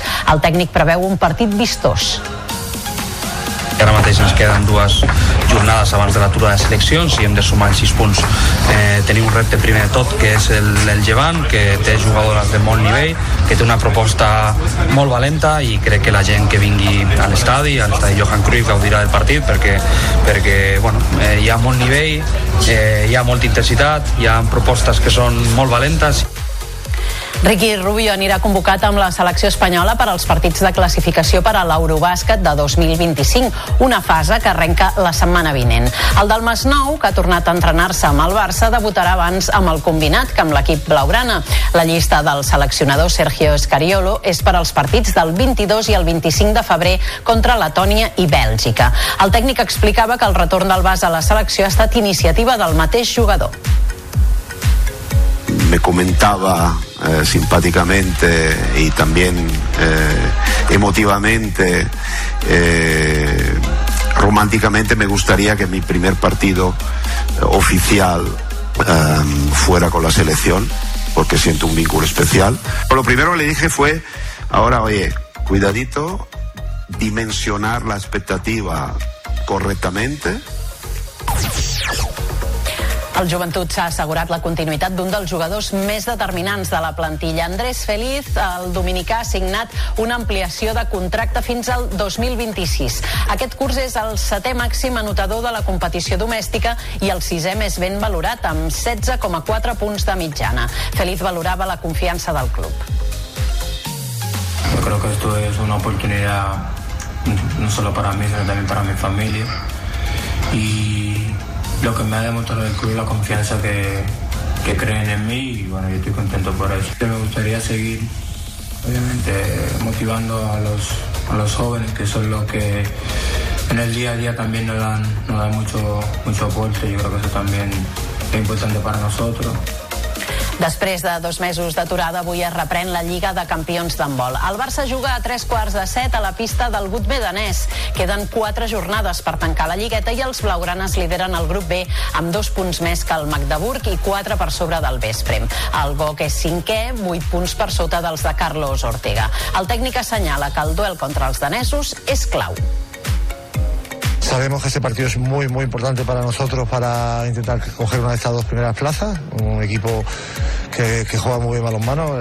Sin ir más lejos, ganó claramente al Vespre, en, eh, no sé si creo que fue la última jornada de- antes del parón de la Champions y, y tenemos que hacer las cosas muy bien, ¿no? Para ganar. Aquest vespre reprèn la primera divisió masculina de futbol sala després d'un mes aturada per la disputa de la Copa Amèrica. El Barça, líder amb 6 punts de marge sobre el segon, el Pozo Múrcia visita el desè classificat, el Valdepenyes. Serà el retorn a les pistes de Sergio Lozano, lesionat fa 10 mesos. Aquest partit a les 9 del vespre també juga l'Indústria Santa Coloma que rep el Peníscola a la mateixa hora. Gràcies, Cristina. Fins demà, que vagi bé. Fins demà. Nosaltres ara, en plana cultural, us expliquem que els carrers de Sitges s'han omplert un any més de música, llum i color en la tradicional Rua de l'Extermini. Una quarantena de carrosses i més de 2.000 participants que ho han donat tot davant de milers d'espectadors que no s'han volgut perdre l'última gran nit del Carnaval. Un carnestoltes que arriba avui al final amb l'enterrament de Sa Majestat. La xarxa Més està d'aniversari. La plataforma de continguts de proximitat en català celebra avui el primer any de funcionament. Des de la seva estrena ha ofert més de 800 esdeveniments en directe, com ara la Rua de l'Extermini mateix, de la que ara parlàvem, i suma prop de 5.300 continguts. Ens ho explica el Joan Ferrer. Durant el seu primer any de vida, la xarxa més ha aconseguit consolidar-se com la plataforma dels mitjans de proximitat amb més de 60.000 nous usuaris registrats. La plataforma permet veure la programació d'una trentena de canals de televisions locals de Catalunya, recuperar-la fins a set dies enrere i gaudir de verticals temàtics de castells, esports o cultura. Així, els esdeveniments d'aquests àmbits s'han situat com els continguts més consumits tant en les emissions en directe com en el servei de vídeo a la carta. De fet, un dels èxits més rellevants de la plataforma és el volum d'usuaris que segueixen els directes destacats dels canals de televisió locals, majoritàriament en els continguts culturals i de tradicions. Una altra de les puntes de llança de la xarxa més és la capacitat per arribar a un públic més jove, ja que gairebé la meitat dels usuaris tenen menys de 30 anys. La majoria escollen les temàtiques favorites mitjançant els canals, fet que evidencia que la possibilitat d'escollir opcions aporta un valor a l'usuari, facilita la navegació i millora els sistemes de recomanació. A més, hi ha una aposta ferma per l'àudio amb la incorporació de podcasts temàtics elaborats per les ràdios locals. Actualment la plataforma disposa de 1.300 podcasts que es poden escoltar de manera totalment gratuïta. El Cinema Espai Fonàtic de Lleida ha acollit aquest dimarts l'estrena de la pel·lícula Canigó 1883 de la mà del seu director Albert Naudín. L'any 1883, Jacint Verdaguer, als 38 anys, i acompanyat d'un guia, puja al pic de Balatx, el cim més alt de la muntanya del Canigó. Des de les altures, la inspiració porta el poeta a la gènesi del cant quart del poema Canigó. El director Albert Naudín ha plasmat aquest viatge a la pel·lícula Canigó 1883, que aquest dimarts s'ha estrenat a l'Espai Fonàtic de Lleida. I concretament el viatge passa per l'Alt Urgell, passa per el Pallars, la Ribagorça, la Vall d'Aran, vull dir que hi ha moltes escenes dins del territori lleidatà, una pel·lícula molt lleidatana, i on hi ha hagut una gran col·laboració, sobretot de, de gent, gent del país, sobretot gent del Pirineu, no? Aquesta és la segona pel·lícula que Naudín fa de Verdaguer. La primera, Maleïda 1882, narra l'ascens del poeta a la Neto en un format documental. Ara, aquesta segona entrega fa ús de la ficció. És una ficció documental, tot està dins d'una ficció, i també tal qual és més atractiu, no? perquè d'alguna manera l'espectador té una immersió més gran al segle XIX i reconeix i, i, i coneix una mica tant el mossèn, el mossèn poeta, aventurer, intrèpid, rebel, com també aquell Pirineu d'aquella època. El Fonàtic incorpora a la cartellera a partir d'aquest dimarts el film interpretat per Lluís Soler, Santi Pocino, Sílvia Bel i Xavier Boada.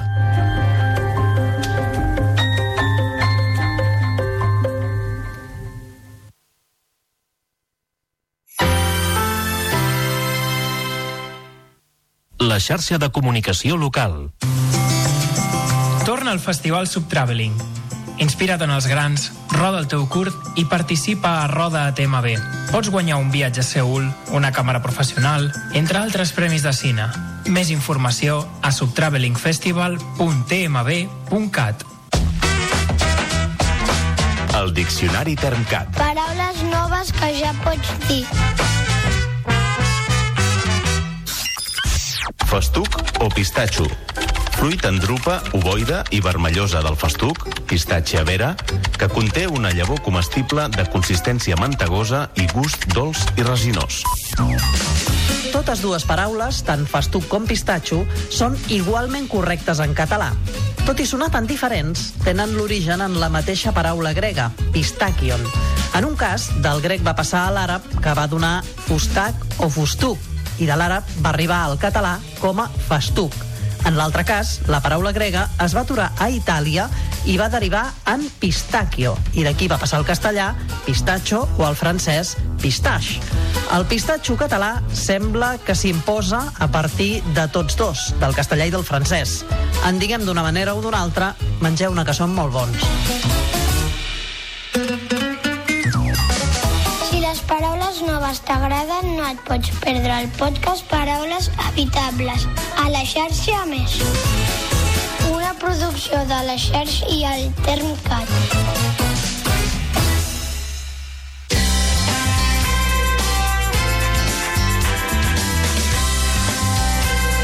La xarxa de comunicació local.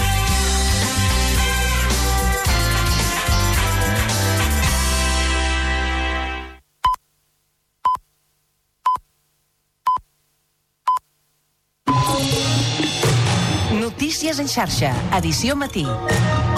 Amb Taís Trujillo.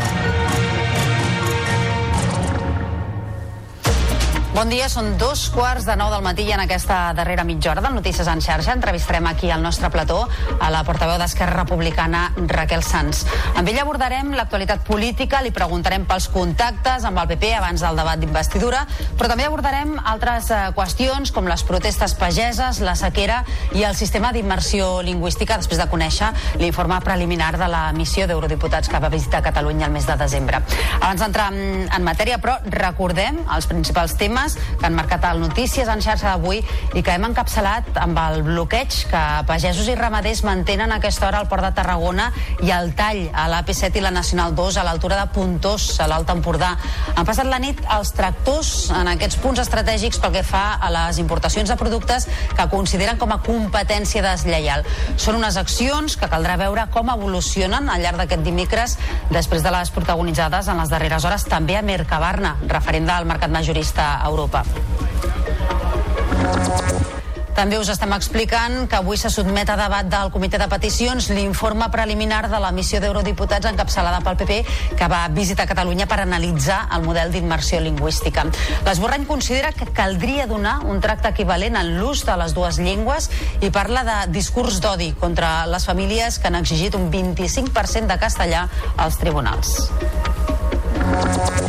I pendents avui del Parlament de Catalunya que constata la gestió deficient dels geriàtrics durant la pandèmia. Tot i això, aquest matí, la coordinadora de familiars de residència 5 més 1 ha convocat una protesta davant de la cambra perquè hi veuen moltes mancances en l'informe del grup de treball. En esports, el Barça vol seguir invicta a la Lliga F. Aquesta tarda intentarà sumar la 17a victòria en 17 jornades davant el tercer classificat, al Llevant. Tots dos equips ja es van enfrontar en la final de la Supercopa amb triomf i golejada per a les Blaugrana. I avui la xarxa Més està d'aniversari. La plataforma de continguts de proximitat en català celebra el primer any de funcionament. Des de la seva estrena ha ofert més de 800 esdeveniments en directe i suma prop de 5.300 continguts, convertir-se en el punt de referència de l'ecosistema audiovisual local català. En parlarem de la plataforma també en aquest eh, informatiu. I al final del Notícies en xarxa farem també un repàs a les estrenes de cinema que s'avancen amb dimecres a motiu del dia de Sant Valentí. La cartellera es renova amb Priscila, una aproximació a la relació entre Elvis Presley i la seva dona. També arriba a les sales una comèdia espanyola, Buscando a Coque, amb el músic Coque Malla, en paper destacat. I Dakota Johnson protagonitza una nova adaptació d'un còmic de Marvel, Madame Web.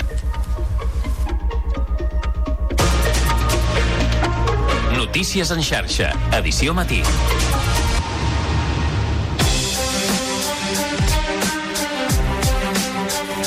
Doncs, eh, com us acabem d'explicar, en aquesta darrera mitja hora del Notícies en xarxa abordem l'actualitat política amb la portaveu d'Esquerra Republicana de Catalunya. Amb ella parlarem de qüestions com la situació que està vivint el sector de la pagesia, la sequera i també educatives, després de conèixer l'informe preliminar de la missió d'eurodiputats que va analitzar el model d'immersió lingüística aquí a Catalunya al mes de desembre. Raquel Sans, portaveu d'Esquerra, molt bon dia. Molt bon dia. Comencem, si li sembla, parlant de, de les tracturades, aquestes protestes eh, pageses, perquè ja fa més d'una setmana que duren. Aquesta nit hi ha hagut eh, bloquejos i de moment els pagesos no tenen intenció d'afluixar en les seves reivindicacions, diuen, fins que no tinguin eh, clar que s'està fent el que cal fer per poder solucionar els seus eh, problemes. Què és el que hi ha ara mateix en marxa, ja que sigui tangible, palpable, per solventar-ho? Sí, malauradament eh, no, les, les decisions polítiques moltes vegades no, no són immediates al moment i per tant eh, jo crec que el primer que cal fer és dir que, que són lògiques les protestes eh, bàsicament perquè és un sector primari que, que protesta de fa molt de temps no és una novetat, no? les protestes de, del sector primari fa molt de temps que, que és un sector que, que no està cuidat i que en aquest cas eh, no, no per al·ludir responsabilitats òbviament no? que, que el govern de la Generalitat també en té sinó eh, qui té eh, la major part de les competències en l'àmbit de les polítiques agràries és Europa i, i és cert que, que des d'Europa en els últims anys eh, l'altre dia el, el conseller Mascort eh, no, ens donava les dades en els últims 8 anys s'han aprovat 192 normatives per part del Parlament Europeu que afecten a la pagesia per tant és obvi no, que hi ha una regulació, una sobreregulació en l'àmbit de la pagesia europeu, perquè les protestes recordem que són a Catalunya, però que també són a molts altres punts d'Europa, que no pateixen eh, el sector primari d'altres indrets. No? I aquí voldria fer especial èmfasi als tractats de lliure comerç que són amb tercers països i que són segurament la principal dificultat que, que aborda el món de la pagesia, aquesta competència amb, amb altres estats que no tenen tota aquesta regulació no? eh, que, que sí que té la pagesia catalana o la pagesia de, de l'estat espanyol i fins i tot de la Unió Europea. No? Llavors, eh, jo voldria recordar que és aquí on hem de fer, on hem de posar èmfasi, però és lògic eh, també doncs, que mirem cap al govern de la Generalitat i veure què és el que hi podem fer. I en aquest sentit, el president de la Generalitat, eh, Pere Aragonès, juntament amb el conseller Mascor, s'han eh, compromès, entre altres qüestions, a reduir la burocràcia, a fer-ho més fàcil, no? tota aquesta normativa que al final qui l'ha d'aplicar és el govern de la Generalitat amb la finestreta única eh, per tota aquesta tramitació burocràtica i després les peticions que s'han fet, en aquest cas al govern de l'Estat, per fer millores en la llei de la cadena alimentària que fa que es puguin vendre productes per sota del preu de, de producció, que no té cap mena sentit i, i també la reducció del preu del gasoil que seria una altra de les demandes que fa la pagesia per tant serien les primeres coses tangibles que, que podríem tenir però en, en tot cas doncs, entendre i empatitzar amb, amb aquestes protestes que creiem que són del tot lògiques i que no se circumscriuen només a Catalunya sinó que afecten a tota la Unió Europea. Es queixen de burocràcia, es queixen també dels efectes de la sequera i de les restriccions de la sequera. Aquí sí que la Generalitat pot fer alguna cosa i de fet està valorant no? l'opció de, de reduir aquestes restriccions bastant dures en el sector primari. Com està aquesta qüestió? Sí, en, en aquest cas eh, s'està estudiant perquè fa 40 mesos que, que no plou a Catalunya i per tant estem en una situació excepcional. És cert, eh, i així s'ha reconegut, que el sector primari és dels primers als quals va veure aplicar aquestes restriccions eh, no, per motiu de la sequera. De fet, el sector primari consumeix, eh, el sector primari ramader consumeix eh, aproximadament un 35% de, de l'aigua i se'ls hi han fet se'ls hi han aplicat reduccions que formen part d'aquest pla de sequera no, que ens ha permès doncs, anar seguint passos i ens ha permès doncs, que de moment l'aigua de l'aixeta segueixi rejant, eh, però és obvi que davant d'aquest malestar i davant d'aquesta situació eh, s'està estudiant la possibilitat doncs, de, de reduir aquestes, aquestes restriccions, però és més eh, doncs, una qüestió dels experts eh, que, que estan seguint aquest pla de sequera que no pas una decisió política, és més una qüestió tècnica que, que política perquè recordem fa 40 mesos que no plou al nostre país i segurament les restriccions, no, ara que estem en fase 1 d'emergència eh, per part de 6 milions de població en el nostre país, doncs segurament eh, el que vindran són noves restriccions i això també crec que, que hem d'estar preparats com a, com a societat. Mm -hmm. Si es redueix una mica eh, la, la restricció que té el sector primari, eh, s'ampliaria la restricció a altres sectors com fan crides, per exemple, des dels comuns cap al turisme? L'aigua és limitada l'aigua és, un, no, és una de les coses que hem, que hem après, eh, és un bé limitat i per tant eh, el que cal fer és amb l'aigua de què disposem, no amb els pantans eh, no veiem aquestes imatges doncs, sota mínims eh, és, és eh, aplicar les restriccions per impactar el mínim possible a qualsevol dels sectors perquè els sectors doncs, són generadors de llocs de treball, són generadors de, de, de la dinàmica econòmica del país i per tant aplicar el mínim de restriccions possibles.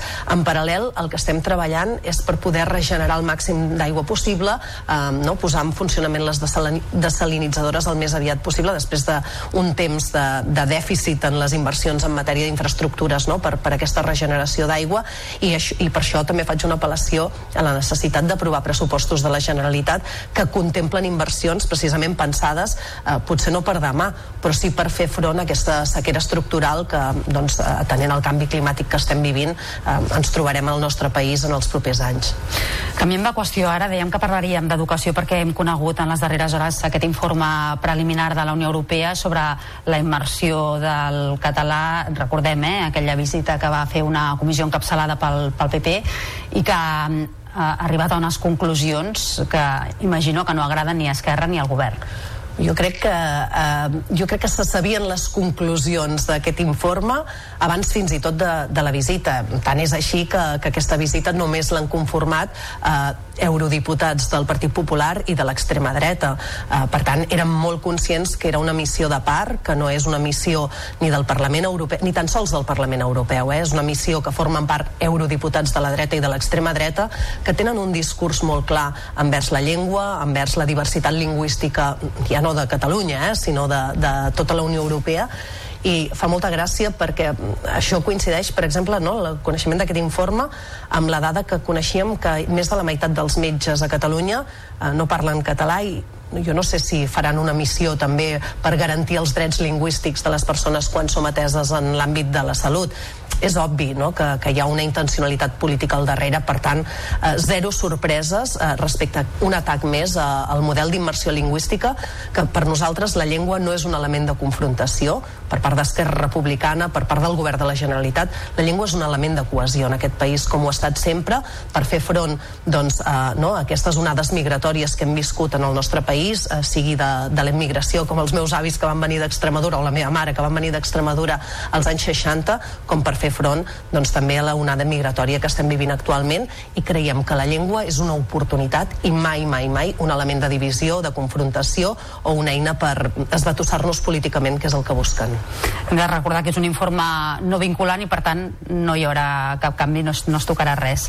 Uh, en les últimes hores també ha estat uh, notícia, titulars, aquests contactes que hi hauria hagut entre el Partit Popular i Esquerra Republicana de cara a la investidura, ho va dir Marta Rovira, um, i amb aquestes anades i vingudes sobre què es va dir, què no es va dir, qui va contactar amb qui i què es va parlar. Quina és la, la versió que ens ofereixen? La versió és la mateixa que explicava la secretària general d'Esquerra Republicana, Marta Rovira, que crec que també ha explicat als, a, a les darreres hores la nostra portaveu al Congrés, la, la Teresa Jordà, i és que ho recordo perfectament, eh, com en una reunió de la permanent d'Esquerra Republicana va arribar la, la Teresa Jordà, que feia les, eh, de, de portaveu, no? I, i que estava tenint contactes doncs, amb, amb les diferents formacions polítiques, i ens va dir, m'ha contactat el diputat Carlos Floriano del Partit Popular eh, doncs perquè volen parlar amb nosaltres, volen negociar, no? i estaven sondejant-nos en, en, en matèria de, de la investidura, perquè era el moment en què s'havia de conformar el govern de, de l'Estat, eh, va traslladar això a la permanent del partit, va dir, jo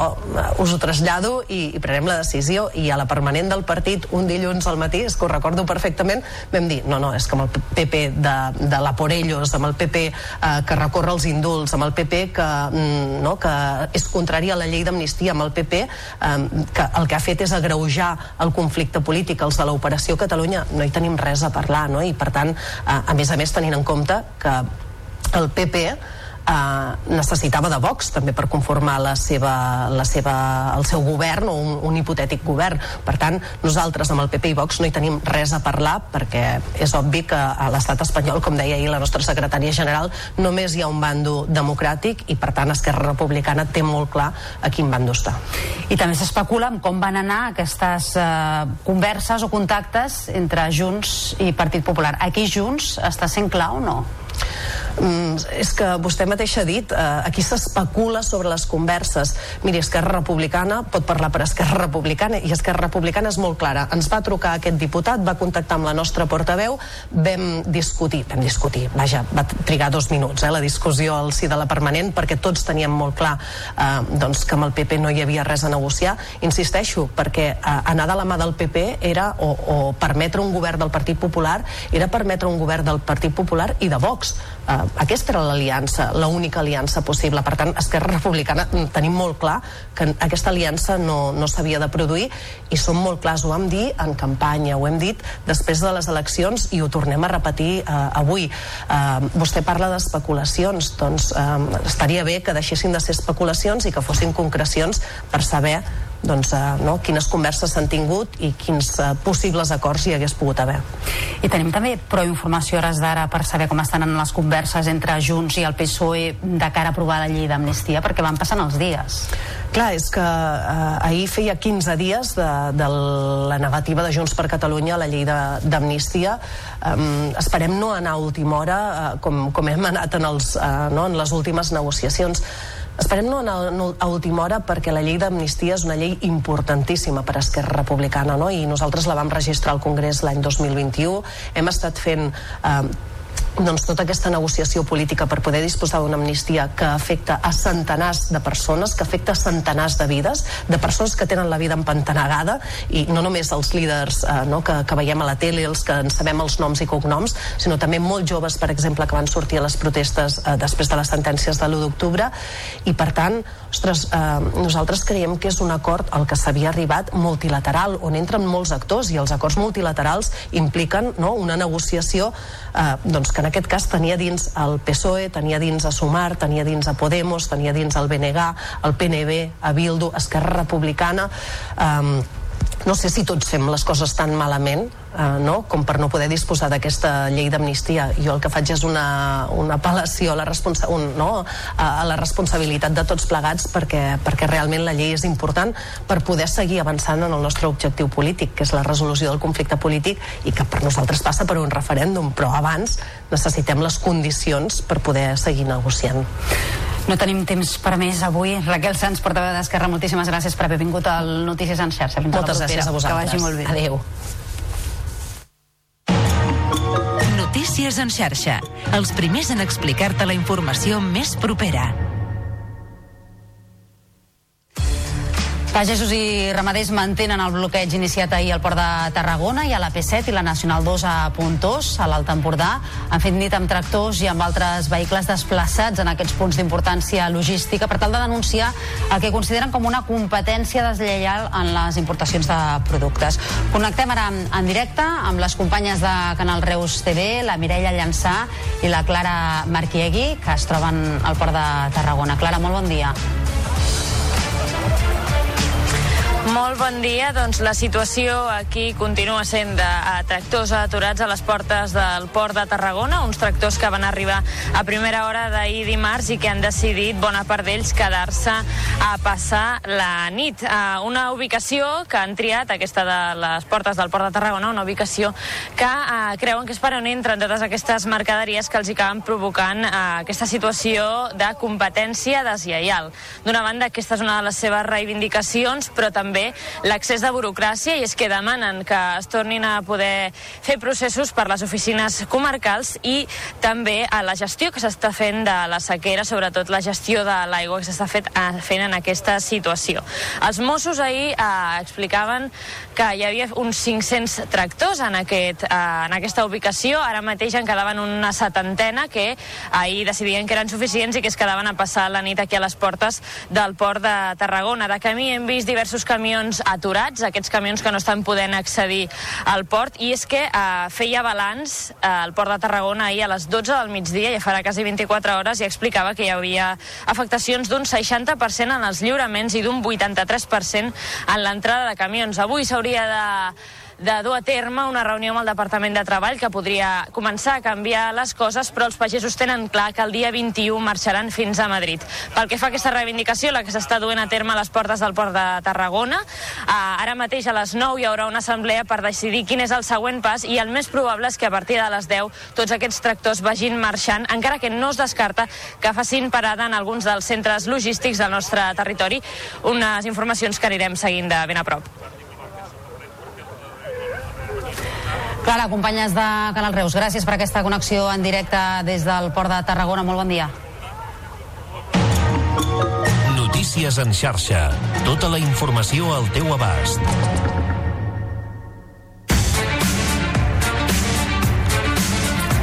La xarxa més està d'aniversari, la plataforma de continguts de proximitat en català celebra avui el seu primer aniversari. Des de la seva estrena ha ofert més de 800 esdeveniments en directe i suma prop de 5.300 continguts convertint-se en el punt de referència de l'ecosistema audiovisual local català. Per valorar aquest primer any de la plataforma de streaming La Xarxa Més i també per parlar dels seus objectius de cara a aquest segon any que enceta ara aquesta plataforma, ens acompanya aquí al plató del Notícies en Xarxa xarxa, el conseller delegat de la xarxa audiovisual local. Marc Melillas, molt bon dia. Hola, bon dia. Quin és el balanç que feu, com ha anat aquest primer any? Bé, ja ho has fet amb l'entradeta, és, és un balanç positiu per, per aquests tres eh, ítems que, que vaig destacant, no? Per una banda, el, el nivell de continguts, no? un nivell de, de producció alt, eh, realitzat amb el conjunt de, de les televisions i, i ràdios locals de la xarxa, més de 800 directes al llarg de tot l'any, eh, esdeveniments en l'àmbit dels castells, dels esports, eh, d'esdeveniments culturals, com el Mercat de la Música Viva, eh, Fira Targa, etc. Eh, per tant, un nivell de, de continguts molt alt amb el BOD i tota la producció que fan les televisions amb el seu conjunt d'antenes i la possibilitat de recuperar eh, l'emissió dels set dies eh, anteriors. Per tant, molt contents amb el nivell de producció amb la curació d'aquests continguts, el nivell, no? el, com es pot eh, veure quan s'entra a la plataforma, un nivell alt de, de, de continguts i d'adaptació amb els diferents eh, formats, i després doncs, el, el reconeixement doncs, més de 63.000 usuaris que s'han registrat a la plataforma i que eh, miren tots aquests continguts que tenen al, al seu abast. I el tercer punt, que segurament és el que menys es veu, que és el canvi cultural que representa per al conjunt dels mitjans locals el fet de disposar d'una plataforma que requereix també treballar amb els requeriments que té una plataforma OTT. De fet, avui, d'aquí re una hora, tenim una trobada amb totes les televisions que formen part de, de la xarxa Més per celebrar aquest aniversari, però la manera de celebrar-ho és continuar treballant perquè la plataforma continuï creixent. I què és el que més èxit ha tingut? Parlem d'aquests eh, 63.000 usuaris. Què és el que han vist, el que han buscat, el que han volgut? Sí. Aquí, diguem-ne que hi ha dos, dos nivells. Per una banda, el que és el directe. El, el, el directe és un element eh, clau no solament a l'OTT sinó eh, amb la mateixa TDT eh, cada cop més el, el disposar d'uns drets i d'uns continguts que només eh, té la televisió X, el que sigui, en aquest cas la televisió local, això li permet aquesta relació directa amb comunitats específiques. Eh, ja venim amb uns anys en què la relació, per exemple, de les de la xarxa amb el món casteller, eh, hi ha aquí un vincle molt fort que fa que, eh, que es va generant una comunitat, en aquest cas la castellera, però també això està passant en altres àmbits. Per exemple, recentment doncs, amb el patinatge artístic també tenim una vinculació molt forta i això fa que siguin continguts molt buscats per una comunitat molt específica. Però hi ha una comunitat que és específica del món local, que és la relació territorial que tenen les televisions amb els espais on, on treballen. Per tant, aquests són dos vectors que creuats són, són molt potents i els que són la clau de la xarxa més. Mm -hmm. I a més s'ha pogut arribar potser a un públic eh, més jove del Correcte. que era habitual eh, en televisió local tradicional? Correcte, és a dir, els estudis eh, marquen el que va ser el, baròmetre dels, de finals del 23 que, ai, perdó, de, sí, del 23 que la mitjana d'edat de, de consum de la TDT en general està al voltant dels 57 anys eh, per tant la televisió local pues, deu estar també en aquesta xifra però en canvi a través de la, de l'OTT tenim identificat que la mitjana està al voltant dels 40 anys què vol dir això? que l'OTT està eh, recuperant o arribant a uns públics diferents o complementaris als que habitualment té la TDT, per tant no es resten sinó que sumen, no? I és una mica la, la feina que, que tenim preparar aquesta transició digital, entenent que la TDT avui per avui eh, no té data de continuïtat més enllà del 2030 i per tant són aquests eh, sis anys que ens hem de preparar per adaptar-nos no? a, a les maneres de produir, a la manera d'explotar i al final fer arribar els continguts en la manera que la ciutadania eh, té la manera de consumir els continguts no? I de cara a aquest segon any, què? Bé, continuar amb la mateixa recepta, és a dir, continuar creixent, eh, per tant, oferint més continguts i millor si és possible, ja sé que aquí dic que menys, però eh, continuar eh, oferint bons continguts, els que estan identificats, evidentment, amb l'audiovisual eh, local català, eh, continuar creixent amb la, amb la subscripció, no defraudar amb l'experiència de l'usuari quan entra a la plataforma, perquè entrar eh, pot estar molt motivat en un moment donat per un contingut específic, però el que és important és que es quedi, que vegi que té tot eh, un, un munt de continguts que poden ser del seu interès. I d'altra banda, continuar treballant amb les televisions i amb les ràdios per anar preparant aquesta transició digital i aquest traspàs que es va produint, no? la tendència de la TDT eh, d'una forma molt progressiva, molt lenta però progressiva, eh, va declinant i en canvi els consums a través de entorns digitals van creixent. Doncs eh, esperem que vagi tot molt bé aquest segon any, que s'incrementin els usuaris, fem un recordatori, es poden inscriure de forma gratuïta, es poden registrar Correcte. en aquesta plataforma per començar a gaudir de tots aquests eh, continguts a la carta. Sí. Marc Melillas, conseller delegat de la xarxa, gràcies per estar amb nosaltres aquest matí, molt bon dia. Nosaltres eh, anem acabant, el que fem ara és eh, repassar les principals estrenes cinematogràfiques de la setmana, que en aquesta ocasió s'avancen aquest dimecres, 14 de febrer, coincidint amb la jornada de San Valentín. ¿Por qué mi hija? Le he cogido mucho cariño a su hija. Basada en unes memòries publicades a mitjans dels 80, Priscilla ens explica com l'adolescent Priscilla Bollier coneix en una festa la superestrella Elvis Presley. Descobreix algú que en privat és vulnerable i es converteix en el seu millor amic. El film narra la seva relació turbulenta des d'una base militar alemanya fins a la seva finca de Graceland. Necesito una mujer que entienda que estas cosas pueden pasar. ¿Serás esa mujer o no? César, tengo que contarte una cosa. Me acosté con Coquemaya.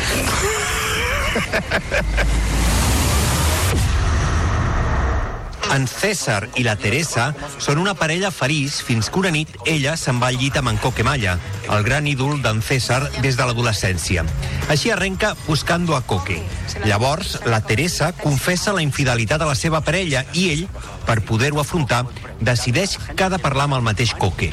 Així que tots dos viatgen a Miami a buscar-lo, mentre replantegen la relació. Por favor, te lo pido, acuéstate con otra. Sí, claro, como si fuera tan fácil, ¿no? Hey, who wants to fuck me? Wants to sleep with... Teresa, no me corrijas en inglés, por favor, te lo pido.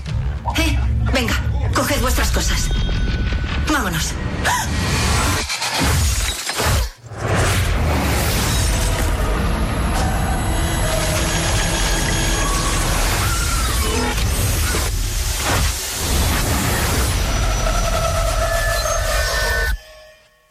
Probemos otra vez. L'univers Marvel torna a la pantalla gran amb Madame Web. La protagonista és la Cassandra Webb, Dakota Johnson, una paramèdica de Manhattan que podria tenir habilitats clarividents. Obligada a enfrontar-se a successos que ha descobert del seu passat, inicia una relació amb tres noies destinades a tenir un futur poderós, si aconsegueixen sobreviure al present. Ahí te has pasado. Puede que un poquito. Doncs uh, ho deixem aquí per avui. Tornem demà. Gràcies, bon dia.